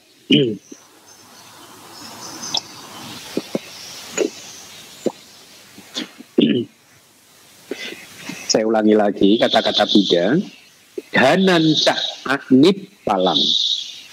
Artinya, dana itu adalah sesuatu yang uh, ini palang bukannya tanpa buah gitu. Dana itu akan selalu berbuah kalau dia berbuah memang ya. Jadi dana itu mempunyai potensi untuk berbuah apa pun itu juga. Bagaimanapun juga kita melakukannya yang dana is dana gitu ya. Jadi dana cahani palang. Jadi jangan khawatir bahwa ketika anda melepaskan sesuatu justru uh, kesempatan-kesempatan yang tadi Anda sebutkan itu malah akan membantu Anda untuk mengurangi kemelekatan. Gitu. Karena mungkin Anda tidak melihat objeknya langsung. hal ini akan berbeda. Yang saya sering ceramahkan di dalam uh, ceramah-ceramah di DBS. Misalkan seseorang datang ke upacara katina sudah membawa jubah ya di depannya ada biasanya kalau DBS itu 30 anggota sangga begitu.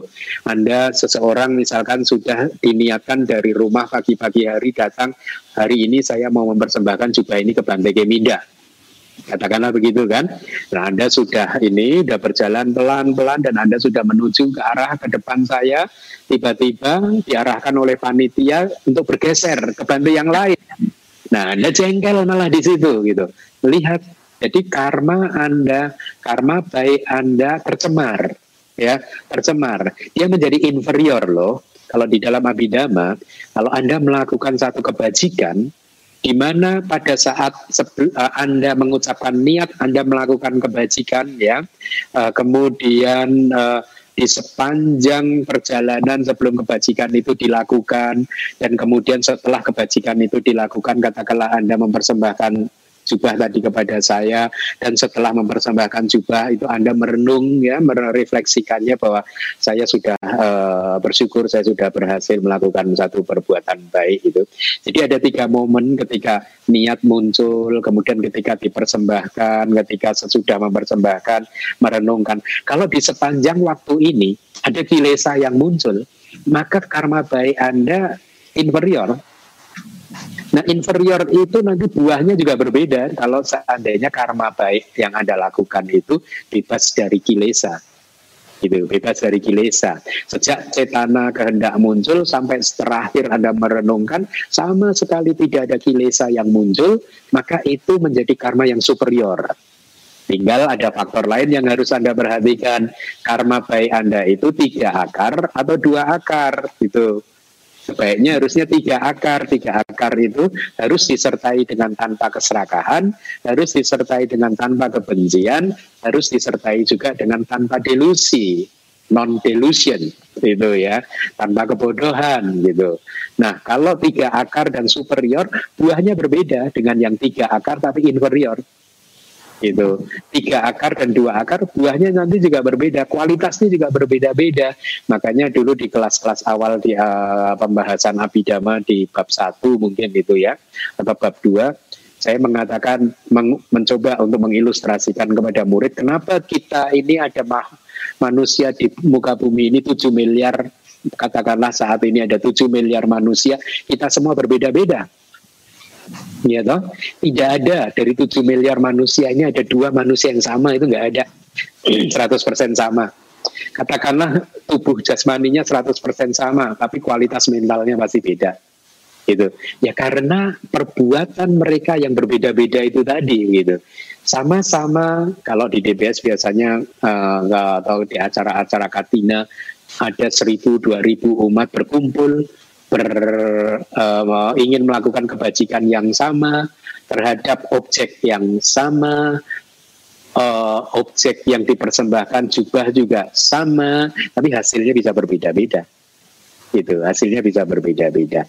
Jadi itu untuk menjawab pertanyaan yang pertama, menurut saya tidak masalah, ya karena toh memang zaman juga berkembang sih, zaman juga berkembang, tata cara juga mungkin berbeda gitu. Tetap saja itu menggunakan tangan Anda. Mungkin ya mungkin kalau menurut saya ini interpretasi saya. Keadaan akan berbeda kalau Anda memerintahkan katakanlah staf Anda. Mungkin ya. Anda memerintahkan gitu. Gitu mungkin ya ini memang harus dianalisa lebih dalam lagi. Anda punya staff, kemudian Anda perintahkan, eh tolong dong uh, transfer ke sana. Meskipun itu juga adalah perbuatan baik, tetapi kekuatannya seberapa itu yang harus dianalisa dengan cukup detail menurut Abidama sih begitu ya. Uh, itu itu itu uh, ya itu just sum up muncul di pikiran saya kalau Anda memerintahkan orang lain bisa jadi agak berbeda. Nah, eh, kemudian pertanyaan yang kedua tadi adalah tentang kenapa kita tidak bisa mengingat kehidupan lampau gitu ya kira-kira ya. Ya, karena gaya hidup seseorang satu ya, salah satu alasannya gaya hidup yang bersangkutan yaitu yang sejak kecil mungkin sejak lahir dia hidup dengan tidak terbiasa untuk menggunakan perhatian penuh atau mindfulnessnya. Setelah itu juga dia mungkin tidak bermeditasi, ya.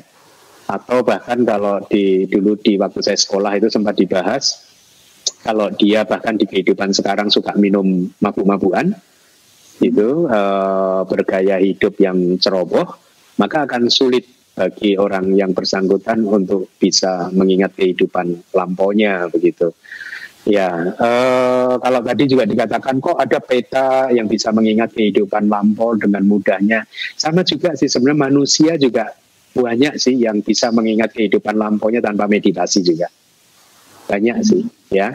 Uh, saya kenal dengan beberapa orang umat ya yang uh, tidak bermeditasi tapi dia mengatakan dia bisa ingat kehidupan lampaunya bukan karena past life regression bukan karena past life regression gitu. Dia hanya merasa gitu uh, yakin bahwa dia dulu begini begitu gitu ya. Atau bahkan sebenarnya juga anda mungkin juga ingat tapi Anda tidak paham ya. Misalkan ada gejala-gejala saya kok selalu kalau ada seseorang yang selalu kalau berada di dalam ketinggian dia mengalami apa fobia ketinggian itu. Dia kalau berada di tempat yang tinggi itu dia udah udah ketakutan begitu, gitu ya. Dan kemudian setelah dia bisa melihat kehidupan lampunya melalui meditasi, eh, ternyata eh, di salah satu eh, kelahirannya itu dia pernah jatuh dari ketinggian sehingga meninggal dunia itu bukan di kehidupan yang persis yang membuat dia lahir sebagai manusia tetapi di salah satu remote past life-nya dia pernah jatuh dari ketinggian mati gitu atau jatuh dari jurang ke jurang dan meninggal dunia dan itu membekas gitu ya itu efek-efek dari kelahiran kembali uh, atau kelahiran-kelahiran yang masa lalu jadi kalau peta bisa mengingat, manusia pun juga bisa mengingat kok yang tanpa meditasi. Apalagi yang dengan meditasi. Kalau kemudian untuk menjelaskan kepada Anda kok banyak yang nggak bisa, ya kita harus meditasi sih. Kalau yang pengen pasti itu kita harus meditasi. Ya, e, berbeda. Kalau meditasi itu kalau dibimbing oleh guru yang benar ya, maka e, guru tersebut bisa menuntun kita uh, secara benar untuk melihat kehidupan masa lampau kita gitu. Ya, jadi karena itu tadi mungkin gaya hidup yang tidak sehat dan lain sebagainya akhirnya membuat banyak manusia tidak mampu mengingat kehidupan lampaunya. Tetapi saran saya walaupun mungkin banyak yang tidak bisa melihat kehidupan lampaunya ya uh, saya sarankan uh, Anda punya sada terhadap ajaran Buddha, termasuk uh, misalkan seperti yang kemarin saya sampaikan di ceramah Waisa, ya kehidupan sudah lama sekali seperti ini, ya Anda harus semuanya, bukan hanya penanya saja, siap semua yang Anda yang mendengarkan saya saat ini harus mempunyai sada bahwa anda belum bisa melihat kehidupan lampau bukan berarti tidak ada kehidupan lampau. Ya karena banyak juga uh, orang luar yang menolak adanya kehidupan lampau gitu ya. Anda sebagai murid Buddha hendaknya meningkatkan sadar terhadap itu karena justru itulah sebenarnya yang akan memperkuat uh, keyakinan Anda komitmen Anda untuk melakukan karma baik dan menjaga karma buruk ya Nah, kalau Anda atau seseorang tidak meyakini adanya kehidupan lampau, apalagi kemudian juga tidak meyakini ada kehidupan yang akan datang, kehidupan hanyalah saat, saat ini saja, maka itu berbahaya karena itu adalah satu pandangan salah ya.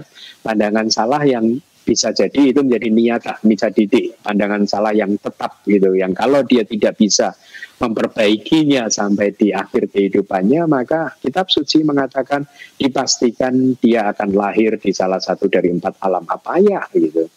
Ya jadi itu yang bisa saya sampaikan. Semoga bermanfaat. Oke, terima kasih Bante.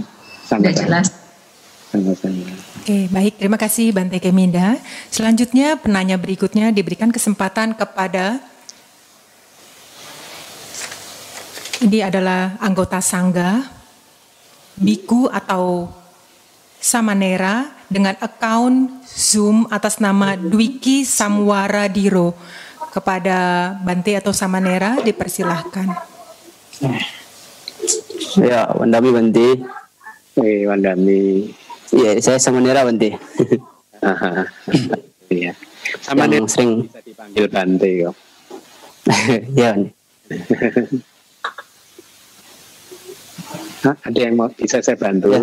Kira? Saya ada satu pertanyaan Bante. Ini juga terkadang saya juga sering ditanya umat uh, ketika tugas uh, uh-huh. mengenai uh, melanjutkan tradisi yang sudah uh, dijalankan oleh orang tua, termasuk bahkan sampai sekarang masih dilaksanakan oleh anak-anaknya dan bagaimana kita cara pandang kita terhadap tradisi tersebut ketika itu juga bertentangan dengan uh, ajaran Sang Buddha.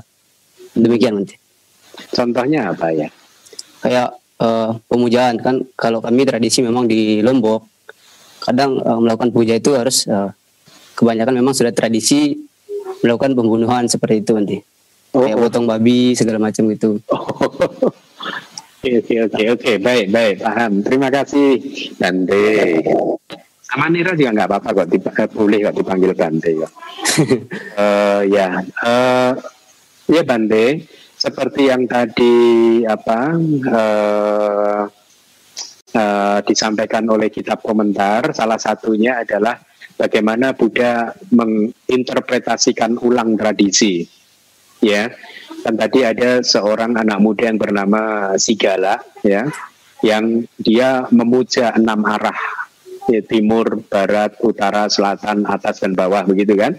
Karena itu mungkin kepercayaan orang India sebelum adanya Buddha begitu uh, dianggap itu sebagai satu uh, tradisi yang baik dan itu uh, dilakukan setiap pagi sebelum matahari uh, terbit begitu.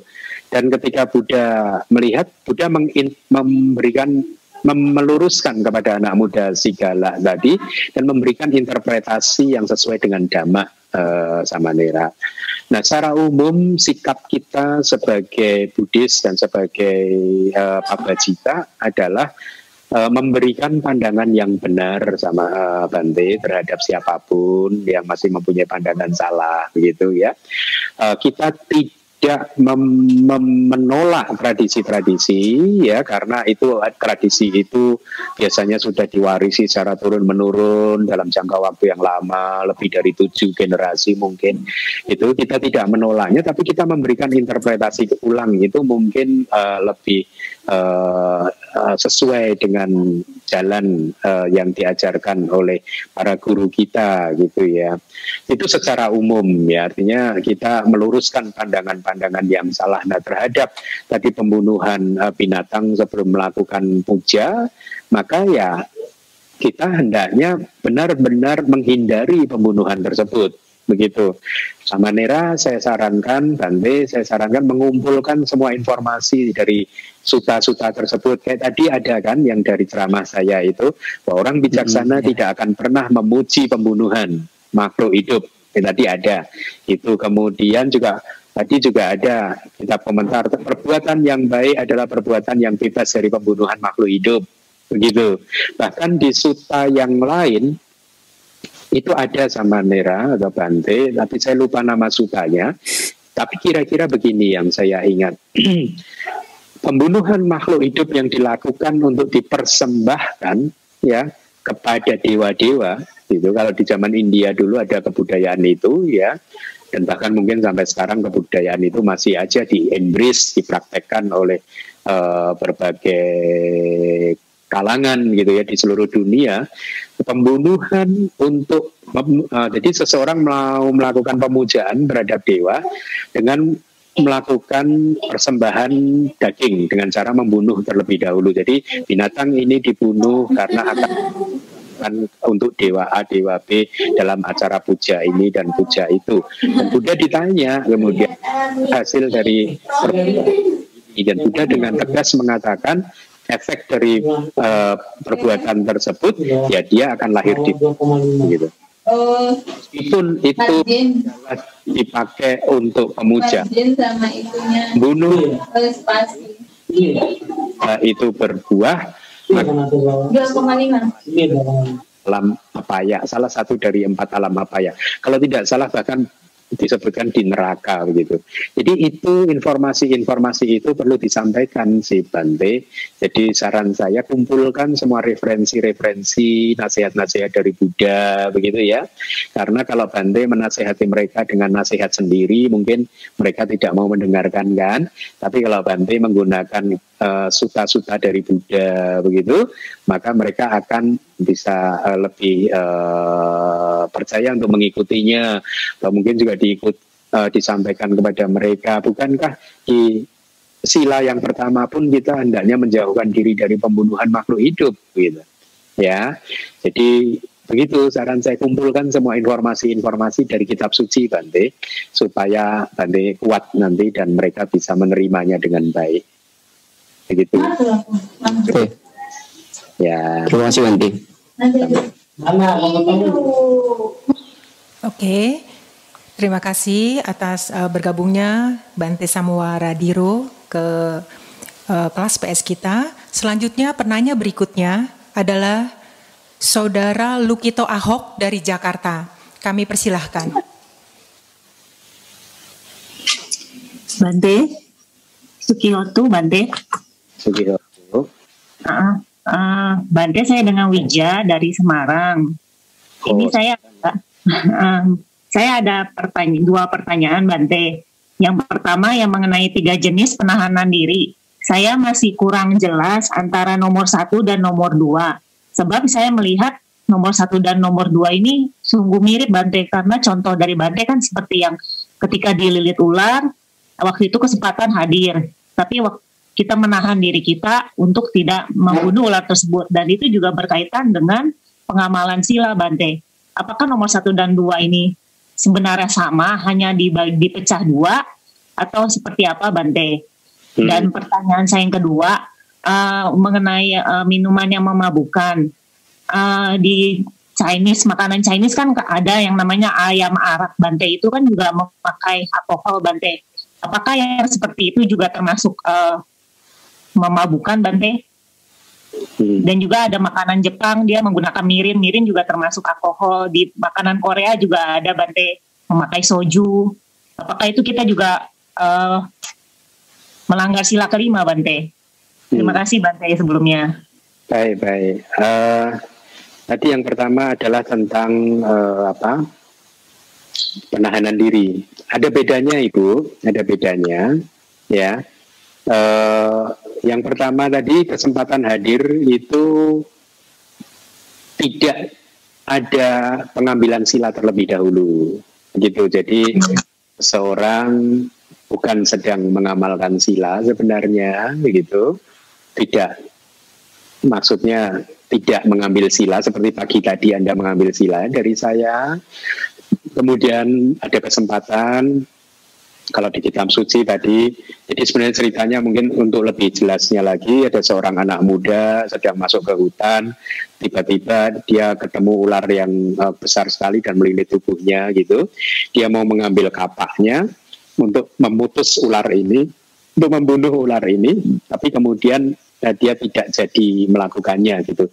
Jadi tidak ada pemikiran bahwa oh tidak baik dong saya baru saja mengambil sila kok sudah melanggarnya begitu. Ya jadi berbeda. Kalau yang kedua itu dia eh, menahan diri dari eh, eh, perbuatan yang buruk karena eh, dia ingat baru saja dia mengambil sila. Jadi beda. Kalau yang pertama tidak ada ininya pengambilan silanya begitu, tidak berhubungan dengan pengambilan sila. Jadi pikiran yang mendasari dia untuk menahan diri itu berbeda itu. Dan itulah mengapa di abidama faktor mental tersebut eh, penahanan diri itu eh, eh, apa di- dijelaskan Eh, seperti itu Anda bisa baca di buku manual eh, abidama bab kedua ada yang saya tulis. Kemudian pertanyaan yang kedua ini memang sering sekali membingungkan ya bagi para umat ya. Tetapi ya eh, tadi coba anda ingat-ingat ya perhatikan apa yang disampaikan oleh kitab eh, komentar ya eh, apa. Jadi saya pernah dulu waktu di waktu masih berlatih sebagai eh, masih sebagai pelajar waktu di Myanmar gitu ya masalah ini sempat dibahas begitu nah eh, kemudian Seado sempat mengupas begini. Ten- uh, berkaitan dengan sila yang ini. Karena waktu itu sepertinya saya ada itu banyak bertugas di Eropa di Barat begitu ya. Di mana orang-orang Barat itu mempunyai tradisi untuk minum minuman keras sampai mabuk-mabukan terutama di musim yang uh, katanya wah kalau saya tidak salah waktu itu disebutkan terutama di musim dingin begitu ya di musim salju gitu. Karena saya ada sempat dikomplain sama bule-bule di sana kalau eh, nggak uh, boleh minum minuman keras ya kita nggak pernah bisa jadi umat Buddha yang baik begitu. Karena itu sudah menjadi tradisi orang Eropa untuk minum minuman keras dan bahkan mabuk-mabukan gitu. Ya mereka sampai mabuk gitu. Nah poinnya sebenarnya adalah kalau menurut saya itu dan dari kitab-kitab komentar tadi selama itu adalah hanya untuk bahan makanan. Dan itu tidak sama sekali tidak membuat Anda mabuk sehingga kehilangan kewaspadaan Anda, tidak membuat Anda lalai. Dan Anda tahu perhatian penuh Anda itu uh, tidak terganggu uh, oleh makanan tersebut. Karena sering kali kan sangga juga diberi uh, kue roti yang bahkan tidak hanya di Indonesia, di Myanmar pun juga banyak uh, umat berdana kue, berdana roti begitu ya.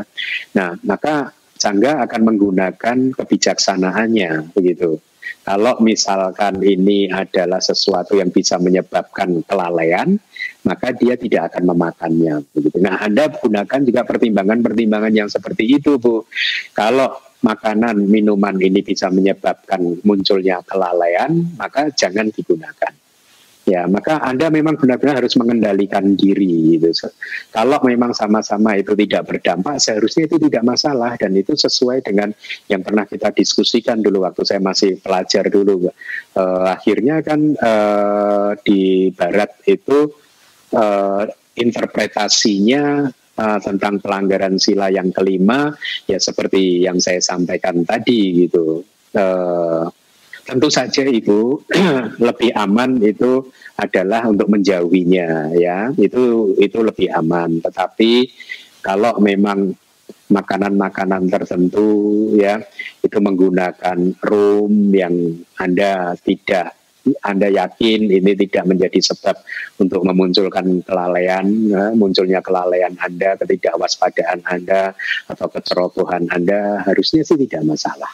Nah, banyak kan roti-roti yang seperti itu, kue-kue yang seperti itu, begitu. Ya, tapi kalau Anda ragu, ya lebih baik jangan dilakukan, Bu. Dijauhi sama sekali, begitu. Ya, ha, gunakan uh, kebijaksanaan Anda untuk menilainya sendiri begitu. Kalau itu memabukkan, membuat Anda linglung dan lain sebagainya, jangan jangan bahkan jangan didekati sama sekali gitu. Begitu ya, Ibu. Mudah-mudahan jelas. Aduh, aduh, anumodana Bante. Terima kasih. Terima kasih Bante atas penjelasannya. Pertanyaan berikutnya diberikan kesempatan kepada Saudara Indra Atmadi dari Padang Sidempuan. Kepada saudara Indra Atmadi dipersilahkan. Uh, Sugi Hontu Bante. Sugi Hontu Bante. Oh iya. Ya, ya. Ya, saya ada pertanyaan dalam menjalankan uposata sila sebagai seorang pedagang yang bekerja setiap hari, saya mengalami kendala dalam menjalankan sila uh, untuk tidak makan di atas jam 12 karena kita untuk seperti bulan puasa seperti ini kita buka sampai malam. Uh, saya uh, sebisanya kalau bisa mendapatkan saran dari Bante, terima kasih Bante.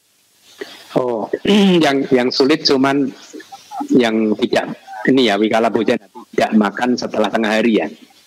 Iya. Oke. Okay. Ya, Sebenarnya Bapak uh, ini dari pengalaman saya ya Pak ya. Saya dulu juga non Buddhis Pak. Uh, ketika masuk di hutan itu diwajibkan oleh guru saya untuk uh, terus berlatih uh, waktu itu delapan sila juga begitu. Salah satu problem terberat saya sama seperti Bapak sih yaitu uh, perut ini sulit untuk berkompromi setelah tengah hari tidak makan begitu Pak gitu.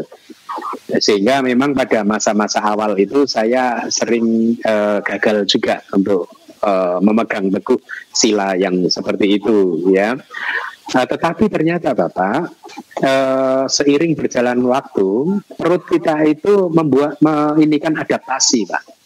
Ya jadi uh, ada yang saya maksudkan adalah lama kelamaan hal tersebut bukanlah sesuatu yang berat lagi begitu. Artinya begini, kadang orang sudah ketakutan tersendiri bahwa kalau nggak makan setelah lewat tengah hari nanti nggak bisa berpikir dengan normal, ya akan lemes dan lain sebagainya. Itu ketakutan-ketakutan itu wajar, tetapi dan itu dulu juga uh, saya mengalaminya, bapak. Kalau kalau perut lapar itu jadi tidak bisa berpikir dengan enak begitu ya. Tapi ternyata setelah dipraktekkan berulang-ulang, tubuh kita itu adjust sendiri, Pak. Jadi uh, uh, apa kebutuhan untuk makan setelah tengah hari itu akhirnya menjadi tidak ada. Itu yang saya rasakan bagi saya ya. Kalau karena saya kan mempraktekannya setiap hari gitu. Kalau bapak kan hanya mungkin uposata saja gitu. Tapi poinnya sama.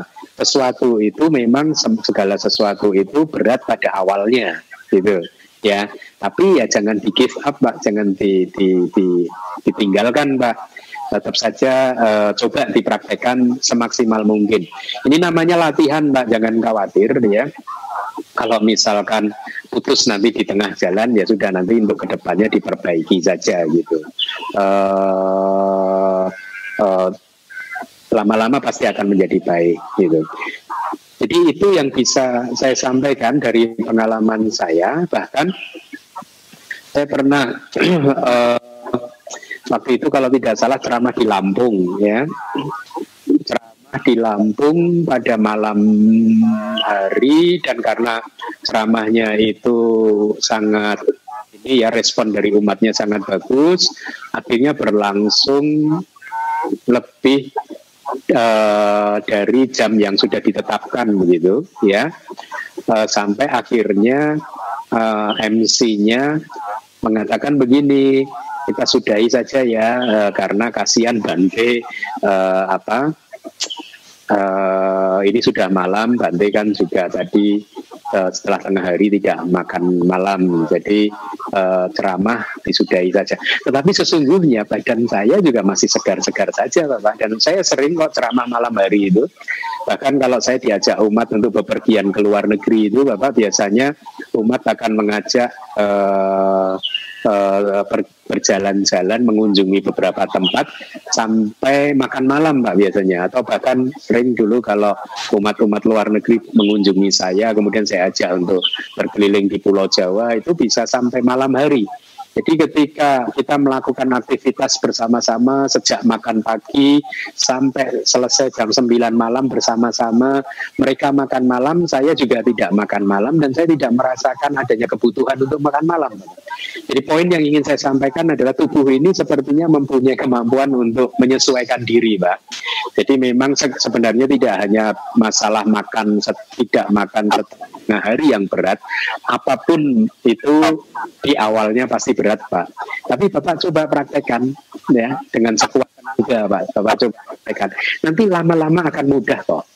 Lama-lama akan mudah. Tubuh Anda akan menyesuaikan sehingga kebutuhan untuk makan setelah uh, siang hari itu tidak ada gitu.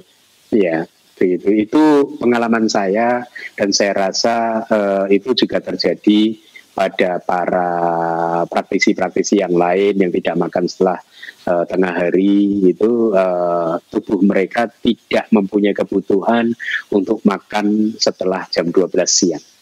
Dan maksud saya tidak mempunyai kebutuhan itu ya kita uh, uh, uh, kemampuan berpikir otaknya juga normal-normal saja, tidak menjadi lemes, harus tidur terus juga tidak, itu normal-normal saja gitu. Jadi cobalah Bapak praktekkan, nanti lama-lama akan menjadi biasa Bapak. Demikian dari saya. Ya. Mudah-mudahan terima kasih. Ya. Oke, terima kasih Bante. Selanjutnya kita berikan kesempatan kepada penanya berikutnya yaitu Ibu Suyanti Samat dari Jakarta. Kepada Ibu Suyanti Samat kami persilakan. Uh, Sukihonto Bante, Namo Buddhaya. Namo Buddhaya. Oke, okay. uh, Bante saya mau nanya, uh, di salah satu di sila uh, sila uh, di 265 tadi kan salah satu kewajiban anak adalah memberikan uh, persembahan atau pelimpahan jasa pada saat orang tuanya itu meninggal. Nah, uh, beberapa tahun yang lalu kan orang tua saya terutama ibu saya uh, pernah uh, mem, eh, mena, eh, mem, eh, memberikan penjelasan kalau pada saat dia meninggal dia maunya langsung dikremasi dan dibuang abunya dan sisa uh, sisa abu uh, setengahnya diletakkan ke rumah abu. Nah, uh, menurut Bante kira-kira uh, nasihat dari orang tua itu, uh, ibu saya itu sendiri sebenarnya harus kita jalanin atau uh, tetap kita uh, lakukan pelimpahan jasa dan Sedangkan uh, dari uh, saudara-saudara saya sebenarnya agama yang mengenal tentang agama Buddha itu sebenarnya cuma saya sendiri, sedangkan kayak kayak uh, saudara-saudara saya semuanya memiliki agama yang lain. Jadi yang ingin saya tanyakan uh, dengan anak anak yang dengan lima anak yang ini yang memiliki uh, agama berbeda-beda dengan adanya nasihat orang tua yang hanya uh, tidak mau melakukan uh, doa pada saat mereka uh, orang tuanya meninggal maksudnya abunya langsung dibuang aja ke laut dan sisanya diletakkan ke rumah abu. Itu yang pertanyaan pertama. Pertanyaan kedua Uh, pada saat kita berdana biasanya kalau saya sendiri kalau berdana saya tidak uh, tidak uh, tidak memiliki uh, niat tidak memiliki uh, tidak melenungkan bahwa dana itu uh, saya akan uh, persembahkan ke siapa. Intinya saya cuma melakukan bahwa saya akan melakukan dana, dana ini akan dipersembahkan kepada siapa. Tapi yang jelas uh, apakah uh, yang saya lakukan itu ada uh, adalah suatu kama bulu atau kama baik dan berkaitan dengan dana biasanya kalau saya berdana itu saya tidak uh, uh, mengatasnamakan saya sendiri, saya selalu uh, kalau tidak mengatasnamakan orang tua saya, saya selalu mengatasnamakan keluarga besar uh, keluarga saya sendiri. Itu aja nama budaya. Iya. Baik, uh, yang pertama pertanyaan yang pertama, saya rasa tidak ada masalah untuk mengikuti anjuran orang tua Anda tadi setelah meninggal dunia dikremasi, sebagian dibuang ke laut, sebagian lagi disimpan abunya.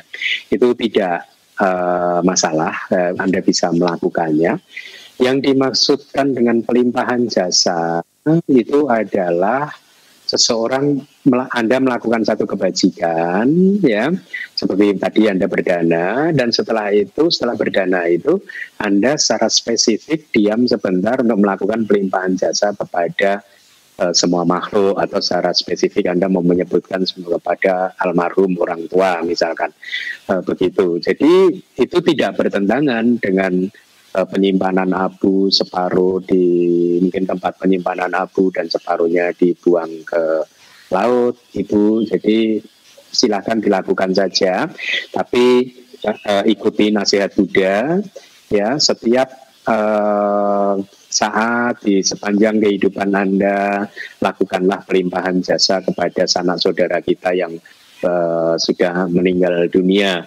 Kenapa? Karena seperti yang di kelas yang lalu sudah saya sampaikan, ada saja saudara-saudara kita yang sudah meninggal dunia yang tidak beruntung.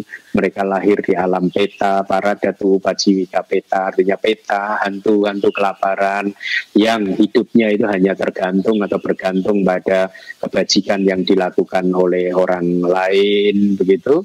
Uh, mereka membutuhkan bantuan kita tidak hanya untuk uh, bantuan berupa makanan, minuman untuk uh, menyelesaikan problem kelaparan dan kehausan mereka, tetapi juga untuk membantu mereka untuk segera keluar dari uh, alam peta yang uh, tidak menguntungkan tersebut. Itu sebenarnya tujuan dari pelimpahan jasa. Jadi tidak berhenti atau sekedar hanya memberikan makanan, minuman, pakaian dan lain sebagainya, tetapi memberikan satu kondisi kepada para hantu-hantu tersebut supaya bisa keluar dari alam uh, kelahiran yang tidak menguntungkan. Jadi itu adalah jawaban yang pertama. Teruslah lakukan itu kebajikan-kebajikan dan kemudian lakukan pelimpahan jasa. Kemudian terhadap pertanyaan yang kedua, kalau saya sarankan sebaiknya dana Anda kalau Anda mau melakukan kebajikan ya Anda jangan melakukan kebajikan begitu saja itu tetapi sebelum melakukan kebajikan Anda harus bangkitkan satu pemikiran bahwa saya akan berdana. Dengan merenungkan tidak mudah untuk mendapatkan kesempatan untuk berdana. Kenapa? Karena kadang saya ingin berdana, tetapi objek yang pantas untuk menerima dana tidak tersedia atau di kesempatan yang lain objek yang pantas untuk menerima persembahan dana tersedia, tetapi sayanya yang sedang tidak mempunyai sesuatu yang pantas untuk dipersembahkan. Begitu. Jadi kesempatan untuk melakukan dana bisa jadi tidak muncul setiap saat. Kemudian poin yang kedua Anda juga berpikir membangkitkan satu pemikiran perenungan bahwa dana itu dipuji oleh orang bijaksana gitu ya. Bahkan uh, dana ini kemurahan hati ini adalah uh, perbuatan yang juga dipuji oleh para dewa begitu. Kemudian kemurahan hati atau dana atau caga apa pun itu adalah menjadi sebab untuk kelahiran di alam-alam surga ya. Kemudian uh, dana adalah fondasi untuk latihan bertahap yang diajarkan oleh Buddha ya jadi Buddha itu mengajarkan latihan uh, bertahap itu yaitu uh, di setiap ceramah-ceramah berjenjangnya itu Buddha selalu pertama meng, mengelaborasi uh, uh, menjelaskan tentang manfaat dari berdana itu. Setelah uh, umat yang mendengarkannya itu kokoh dalam pemahaman tentang manfaat baik dari berdana, misalkan dengan memberikan uh, contoh akan mem, kalau seseorang itu lahir sebagai manusia dia akan lahir sebagai manusia yang berkelimpahan kaya raya atau bahkan dia juga bisa terlahir di alam surga menjadi dewa yang superior bla bla bla begitu. Baru kemudian Buddha menyampaikan khotbah yang berikutnya tentang latihan sila ya atau moralitas atau akhlak begitu dan seterusnya dan seterusnya. Jadi eh, dana ini adalah fondasi dari latihan kita. Nah perenungan-perenungan ini harus anda lakukan supaya apa tujuannya? Supaya dana anda itu menjadi dana yang tiga akar.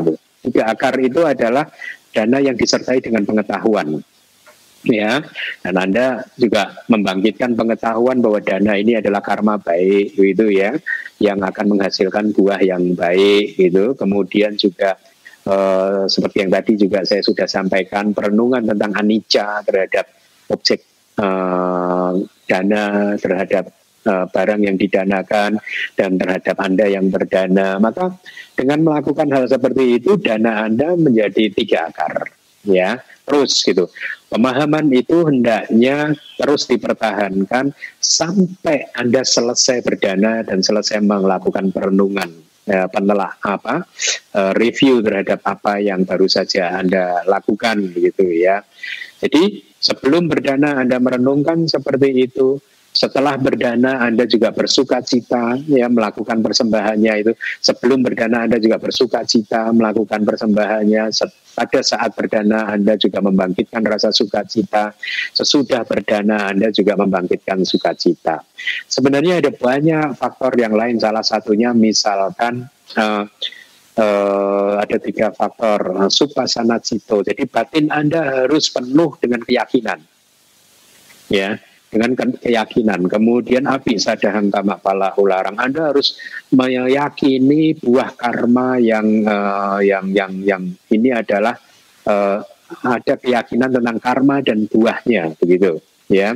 Kemudian yang terakhir daminak ladang. Daminak ladang itu adalah apa yang Anda danakan itu harus adalah sesuatu atau benda yang hasil dari kerja Anda yang tidak melanggar sila gitu ya bukan hasil dari melanggar sila maka dana Anda kalau memenuhi syarat-syarat yang semua yang sudah saya sampaikan tadi akan menjadi dana yang baik. Ditambah juga dengan penjelasan yang saya sampaikan kepada penanya sebelumnya, jaga batin Anda untuk tetap bersih, jangan sampai ada kilesa, kotoran batin apa pun yang menyelinap muncul di sepanjang proses sebelum Anda berdana, ketika Anda berdana dan sesudah Anda berdana begitu dijaga batin Anda tetap murni supaya apa? Supaya dana Anda yang sudah tiga akar tadi ya yang sudah kuat tadi itu menjadi superior, tidak menjadi inferior begitu ya. Itu yang bisa saya sampaikan semoga membantu atau menjawab pertanyaan Anda. Terima kasih. Terima kasih Bante. Sama-sama. Terima kasih Bante atas penjelasannya. Karena kita masih ada waktu, kesempatan berikutnya diberikan kepada penanya saudari saudari Ernawati dari Tangerang. Kepada saudari Ernawati kami persilahkan. Nama budaya Bante Sukihotu. Iya. Nah, saya dari Palembang Bante. Uh, dijelasin sini. Saya pertama pertama itu saja tentang definisi damadana. Damadana di sini kan Bante katakan ini pengajaran dhamma yang telah diperkenalkan oleh Sama Sam Buddha dengan maksud untuk kesejahteraan bagi orang-orang lain yang membawa kebahagiaan dan kehancuran penderitaan di dunia ini dan di dunia yang berikutnya. Nah, di sini pikirkan ini ini khusus untuk anggota sangga seperti Bante yang memberikan pembabaran dharma. Kalau kita sebagai donatur buku dhamma itu termasuk berdana dhamma bukan Bante? Itu yang pertama pertanyaannya. Terus yang kedua, saya ingin bertanya tentang bakti kepada orang tua. Nah, orang tua ini kata Bante tadi kan dibilangin kalau bisa mendorong orang tua kita untuk jadi saya lai kalau ibu, ya mungkin kalau papa kita jadi biku atau gimana. Nah, ini kan sangat berat sepertinya Bante, uh, bukannya dari kita yang berat ya dari orang tua kadang bisa menolak. Sedangkan untuk menjalankan sila aja kita sarankan ya mereka masih adalah bohong-bohong white liar kayak gitu. Dan kita jelasin jangan bunuh yang seperti kecil-kecil walaupun semut dan lain-lain.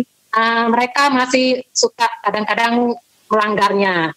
Nah untuk berbakti yang berikutnya itu yang terbaik bagaimana Bante? Apakah kita hanya dengan menyokong mereka hidup makan minum kita atur sandang pangannya Ah, jadi ini sudah cukup atau bagaimana Bante untuk ke depannya untuk orang tua kita.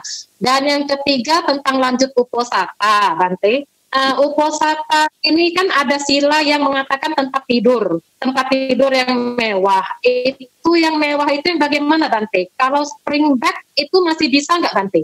Nah, terus yang untuk sila yang uh, tari-tarian dan musik ya, itu musik kalau musik Buddhis kita masih boleh nggak mendengarnya. Terus kalau berita kita nonton TV kayak berita-berita kayak gitu, selebriti salah satunya juga itu masih boleh atau enggak nanti dalam menjalankan uposata. Terima kasih Bante, itu pertanyaan inti saya.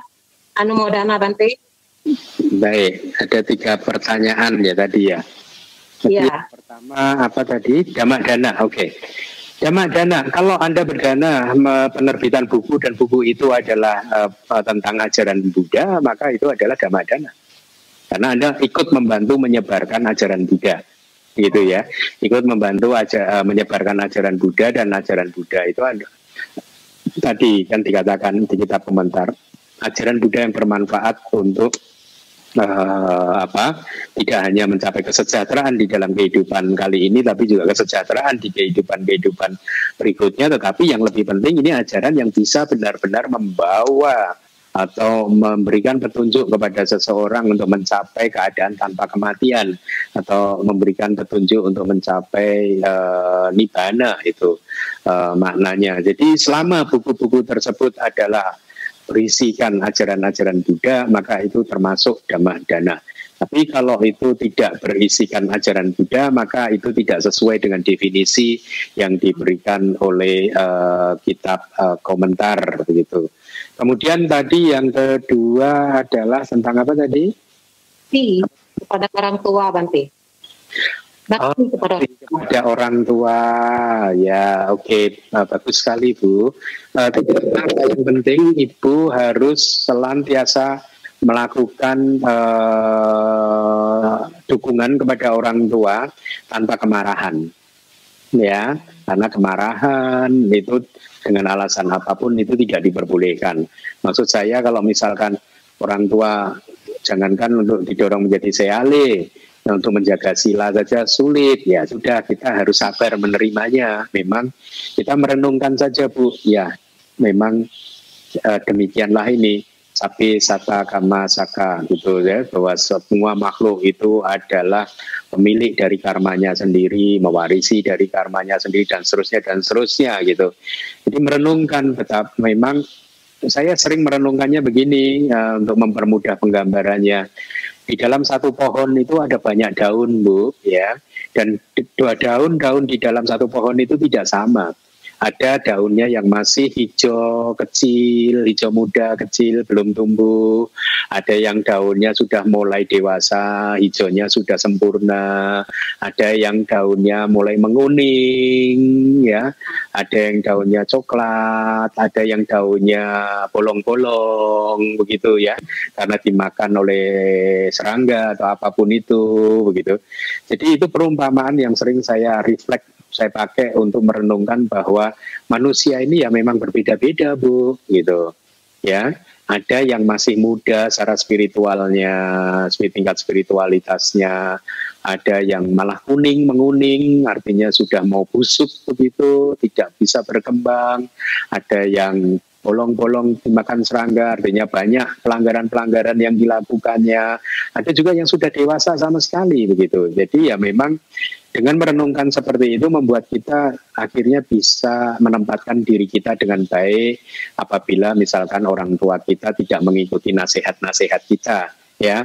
Uh, tapi walaupun demikian ini masalah keterampilan dari kita Bu. Jadi kalau ibu merasa dengan satu cara kok ibu belum berhasil menasehati orang tua maka ibu harus mencari akal yang lain cara yang lain cara yang kedua kalau yang cara yang kedua ini kok tidak juga tidak efektif juga, cari cara yang ketiga dan seterusnya dan seterusnya. Ini untuk di uh, sebagai informasi, saya masih mempunyai orang tua satu dan beliau juga bukan Buddhis ya. Dan uh, saya juga sebenarnya juga tidak berjuang untuk membuat dia Buddhis gitu dengan banyak pertimbangan karena saya tidak ingin juga membuat beliau sedih dan lain sebagainya. Tetapi sejak saya pulang ke Indonesia tahun 2011 ya secara agak intensif itu setiap malam saya telepon beliau dan saya memberikan pemahaman-pemahaman tentang kehidupan. Tanpa pernah mengatasnamakan ini ajaran Buddha dan tanpa pernah mer ingin merubah dia begitu ya. Hmm. uh, dengan berbagai alasan. Sebenarnya kalau memang dia bisa dirubah ya bagus tetapi sepertinya tidak bisa gitu. Ya itu lagi kembali tadi. Pohon itu macam-macam daunnya bu. Begitu. Ada yang siap ada yang tidak siap begitu. Tetapi apa yang saya lakukan saya mulai dengan berbagai cara menanamkan pengertian bahwa e, melanggar lima sila itu tidak baik. Gitu. Hmm. dengan berbagai cara bu. Itu proses itu kalau 2000 sudah 9 tahun bu. 9 tahun boleh dikatakan sampai hari ini pun setiap sore saya telepon beliau begitu ya. Semata-mata ini satu dukungan saya sebagai seorang anak kepada orang tua. Setiap hari gitu. Meskipun kadang saya dalam keadaan yang mungkin tidak sehat atau apa tapi saya usahakan untuk telepon beliau. Kenapa? Karena saya tahu beliau menunggu saya gitu. Sehingga e, dari situlah saya proses yang panjang ini dengan berbagai cara saya membuat keyakinan dia terhadap hukum karma lumayan bu dalam artian dia sudah mulai memahami bahwa orang itu harus berbuat baik bahwa orang itu tidak boleh berbuat jahat. Nah, saya definisikan perbuatan baik itu seperti apa, perbuatan jahat itu seperti apa. Itu saya sampaikan kepada orang tua saya begitu. Sehingga akhirnya pelan-pelan dia tahu gitu tanpa pernah dia merasa bahwa saya menggurui dia ya saya menggunakan dengan berbagai cara dan itu Anda bisa contoh Ibu dengan berbagai cara. Prosesnya bisa jadi panjang tetapi jangan menyerah saja. Ya, jangan menyerah dan ingat harus sabar, nggak boleh marah-marah. Nah, ya nggak boleh. Kalau mereka menolak ya jangan marah gitu. Kalau mereka menolak lalu gimana Bante? Ingat pohon di dalam satu daun itu beda-beda. Gitu. Ada yang kuning, ada yang ada yang coklat, ada yang belum sempat berkembang udah meni udah rontok duluan dan selain sebagainya begitu. Masing-masing itu mempunyai uh, lahir dari karmanya sendiri-sendiri begitu. Tapi usaha kita untuk terus berbuat baik wajib kita lakukan dengan cara apa pun. Jadi saran saya buatlah orang tua Anda itu yakin bahwa melakukan karma baik itu perlu menghindari karma buruk itu uh, tidak boleh sama sekali. Anda definisikan, berikan definisi karma baik itu seperti apa, Anda tunjukkan 10 karma baik itu seperti ini, 10 karma buruk ini seperti ini, pelanggaran sila yang uh, merupakan karma buruk itu seperti ini, oleh karena itu kita tidak boleh melanggar lima sila dan seterusnya dan seterusnya. Kemudian ajarkanlah dia juga berdana dan seterusnya dan seterusnya begitu. Jadi jangan menyerah, ya. Itu pertanyaan yang kedua. Pertanyaan yang ketiga tadi tentang uposata ya kalau tidak salah ya. Uposata tadi apa ya? Panjang Bante. Tempat tidur, tempat tidur. Oke, okay, ya. Kalau spring bed yang beredar di Indonesia itu boleh, Bu? Oh, boleh. King coil juga boleh, Bante. Nah? King coil, king coil, bed king coil yang agak tinggi. Agak tinggi. Tapi tinggi apa sih? Itu kaki pendek, Bante. Lutut kan, Bu? Ya double, double spring bednya. Kalau sudah di atas lutut sebaiknya jangan. Ya kalau pas uposata tidur di bawah dulu juga nggak apa-apa supaya aman bu. oh, gitu Bante. Nah, saya ada yang jelasin, saya dengar kemarin dari Bante, salah satu Bante juga, dia bilang itu masalah kakinya Bante. Kalau kakinya kan spring bed itu kan pendek, tapi kalau dia double itunya bednya itu nggak apa-apa Bante katanya saya dengar karena saya retret waktu itu ikut yang ini Banti tinggalnya di hotel Banti jadi itu hotel kan spring bed masih Iya, saya tadi yang katakan spring bed nggak apa-apa. Di awal tadi spring bed itu nggak apa-apa, tapi kalau yang di double itu saya nggak tahu kayak apa. Tapi kalau bisa jadi itu sangat uh, ini uh, supaya tidak tidak ragu lebih baik dihindari bu. Tapi kalau spring bed memang nggak apa-apa bu. Hmm, memang kayak gak, di hotel apa Banti? Nggak apa-apa, nggak apa-apa. Oh, ya, nggak tidur di hotel juga Terus, enggak ya? Iya, boleh. Terus yang itu Bante yang untuk tari-tarian apa musik itu kalau musik Buddhis masih bisa nggak? Nggak apa-apa, nggak apa-apa. Asal apa? pahami sesuai dengan hukum karma. Bahkan di kitab komentar ini juga banyak yang tidak paham ini, yang begini ini nyanyian bertunjukan. E, kalau ada nyanyian langsung pernah suatu hari ada seseorang menyampaikan ke saya itu nyanyian nyanyian nyanyian itu nggak salah yang salah pikiran kita. Gitu ya. Uh, bahkan di kitab komentar diberi uh, penjelasan begini. Sebenarnya kalau masalah nyanyian pertunjukan itu kan kitab komentar itu kan selalu memakai referensi ada satu cerita. Ini maaf lah ya ini satu cerita dari dari tradisi India dulu yang yang pewayangan itu loh bu ya uh, itu selalu dijadikan oleh referensi uh, oleh kitab komentar sebagai referensi. Menonton pertunjukan wayang yang ini yang itu begitu dengan judul ini dan itu yang yang yang juga masih eksis di Indonesia begitu. Itu adalah referensi untuk uh, sila tersebut begitu. Tetapi sebenarnya penjelasannya adalah seandainya ketika menonton menonton pertunjukan seperti itu kemudian kita relate pertunjukan tersebut sesuai dengan dharma, maka itu juga tidak masalah gitu. Ya misalkan oh makanya jadi orang itu harus menjadi seorang kesatria ya. Satria itu adalah orang yang menegakkan kebenaran, yang selalu membela kebenaran, melakukan kejahatan, um, apa, melawan kejahatan, begitu ya. Kita jadi orang itu hendaknya jangan menjadi orang yang jahat, begitu Terus kemudian ya akhirnya begitu kan mereka yang jahat kalah hatinya mereka yang jahat pasti nanti akan menderita dan lain sebagainya maka itu tidak masalah tapi kalau kita terserap di dalam pertunjukan dan menikmati pertunjukan ikut dengan uh, larut dalam emosi tanpa uh, pernah menarik ini uh, dihubungkan dengan dharma maka itu adalah pelanggaran. Begitu ya. Kalau anda lihat itu para bandai di Myanmar itu kalau ada ada acara-acara apa itu di panggung biasanya ada pertunjukan bu. Ada yang nyanyi juga ada musik juga. Anda bisa lihat sekarang media sosial ini kan sudah terbuka ya. Anda bisa lihat itu pertunjukan-pertunjukan di Myanmar yang dihadiri oleh para bantenya bahkan bantenya juga uh, melihat nggak apa-apa begitu ya. Jadi kalau misalkan Anda ragu berada di satu tempat pernah ada seseorang yang bertanya, nanti bagaimana kalau kita ini kan kerja di dalam satu kantor, di dalam satu ruangan, ada banyak orang, kemudian tiba-tiba ada orang yang nyetel TV. Ya kalau Anda merasa itu akan membangkitkan kilesa Anda, saran saya ya Anda fokus pada pekerjaan Anda, jangan fokus pada itu. Kemudian kalaupun harus memperhatikan itu, maka teruslah amati pikiran Anda. Jangan sampai memunculkan kilesa dan selalu hubungkanlah kesimpulannya itu sesuai dengan dharma gitu. Ya. Jadi dengan demikian Anda tidak melakukan pelanggaran apa-apa gitu. Saya tahu uh, hal-hal seperti ini sering menjadi perdebatan di Indonesia. Tapi sekali lagi hal-hal perdebatan-perdebatan itu terjadi karena ketidakmampuan untuk membaca kitab komentar sehingga yang dipahami itu hanyalah apa yang tertulis di dalam katakanlah suta begitu ya. Oh tidak boleh menonton pertunjukan hanya seperti itu gitu.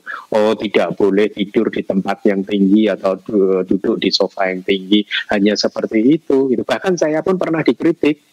Katanya saya melanggar sila karena sofa di DBS itu termasuk sofa yang mewah atau kursi masuk uh, tempat makan yang bawah. Saya pernah dikritik gitu dengan menyodorkan uh, statement yang di Winaya Pitaka begitu tapi ya itulah kelemahan banyak orang di Indonesia. Mereka hanya mampu membaca kitab yang sudah diterjemah. Itu pun kitab terjemahan dari bahasa Inggris, ya. Dan itu bukan kitab uh, kitab penjelasan, ya, kata-kata atau kitab komentar gitu. Tidak mampu membaca itu karena memang kitab komentar masih banyak ditulis dalam bahasa Pali. Nah, akhirnya orang-orang itu hanya berpegangan pada apa yang tertulis yang notabene dia uh, dia lupa bahwa ini adalah terjemahan dari bahasa Inggris dan ini masih harus dijelaskan sesuai dengan kitab komentar dan kitab subkomentar. Kalau kita dulu belajar winaya di Myanmar itu dijelaskan dengan sangat detail. Jadi bed itu yang seperti apa, ya sofa itu yang seperti apa, ada ukuran-ukurannya kalau untuk sangga begitu. Makanya tadi saya katakan kalau spring bed harusnya masih memenuhi syarat karena kalau untuk menjelaskan jadi akan sangat detail sekali juga buat Anda. Tapi begitu Anda bicara harus didouble king foil yang saya tidak tahu. Makanya saya sarankan ya kalau Anda ragu tidur di bawah aja Bu gitu. Itu lebih baik kalau ragu. Ya kalau ragu jadi Buddha pun di dalam Winaya juga seperti itu. Kalau kita ragu, jangan dilakukan. Nasihatnya begitu. Ya, uh, ada satu cerita begini. Ya. Seorang biku karena hidup di hutan nggak ada jam, dia ragu. Ini jam 12 lebih sepertinya begitu. Nah, tapi dia ragu nih. Tapi kayaknya belum kalau ngelihat mataharinya ini belum belum tengah hari. Tapi kok perasaan ini sudah lebih dari tengah hari begitu. Tapi kemudian dia tetap makan ya. Tetap makan ya. Tetap makan siang kemudian setelah makan siang dia melihat jam ternyata masih jam setengah sebelas katakan atau masih jam sebelas katakan. Masih belum melanggar masih belum melampaui batas. Itu kalau menurut winaya dia sudah melanggar winaya. Pikiran kita udah boleh ragu, Dia tahu dia sudah curiga, tapi kok tetap dilanggar. Meskipun kecurigaannya tidak beralasan, artinya dia makan masih di bawah jam yang diizinkan, tapi karena dia di awal sudah ragu dulu, kok tetap dilakukan, maka dia melanggar. Begitu Bu. Kalau Anda ragu, lebih baik jangan dilakukan. Ya, kalau itu nggak masalah sih Bu. Kalau untuk berita Banti, kita nonton TV berita-berita selebriti dapat berita untuk yang kriminal itu masih boleh nggak dalam kondisi uposata? Kalau berita-berita itu ada agak berisiko sih. Kan tidak, kan lebih baik begini loh Bu. Kalau uposata itu kan hanya satu hari ya toh, atau mungkin katakanlah mungkin ada orang yang tiga hari sebelum uposata, hari uposata dan sesudah uposata. Jadi tiga hari dia praktekkan. Itu hanya tiga hari saja. Nah, menahan diri untuk nggak nonton berita gitu. Apalagi nonton nanti berita yang uh, gosip-gosip itu udah uh, sebaiknya jangan sih. Iya Bu ya, jangan. Ber berhentilah apa hanya satu hari atau bahkan paling lama tiga hari gitu. Dan selalu diingat apa sih manfaatnya seperti itu. Sejak lahir sampai hari ini kita sudah banyak membaca, banyak melihat, banyak mendengar, banyak berpikir, banyak menonton ini, menonton itu, mendengar ini, mendengar itu. Tetap aja kita juga bukan uh, masih belum selesai tugas kita. Artinya masih jadi orang yang bingung juga. jadi sebenarnya eh, menonton ini menonton itu kalau direnungkan nggak ada manfaatnya juga. Itu ya bu ya. Oke, okay. semoga jelas. Oke, okay. baik. Terima kasih Bante atas uh, kesempatan kami untuk mendengarkan Dhamma di sana hari ini.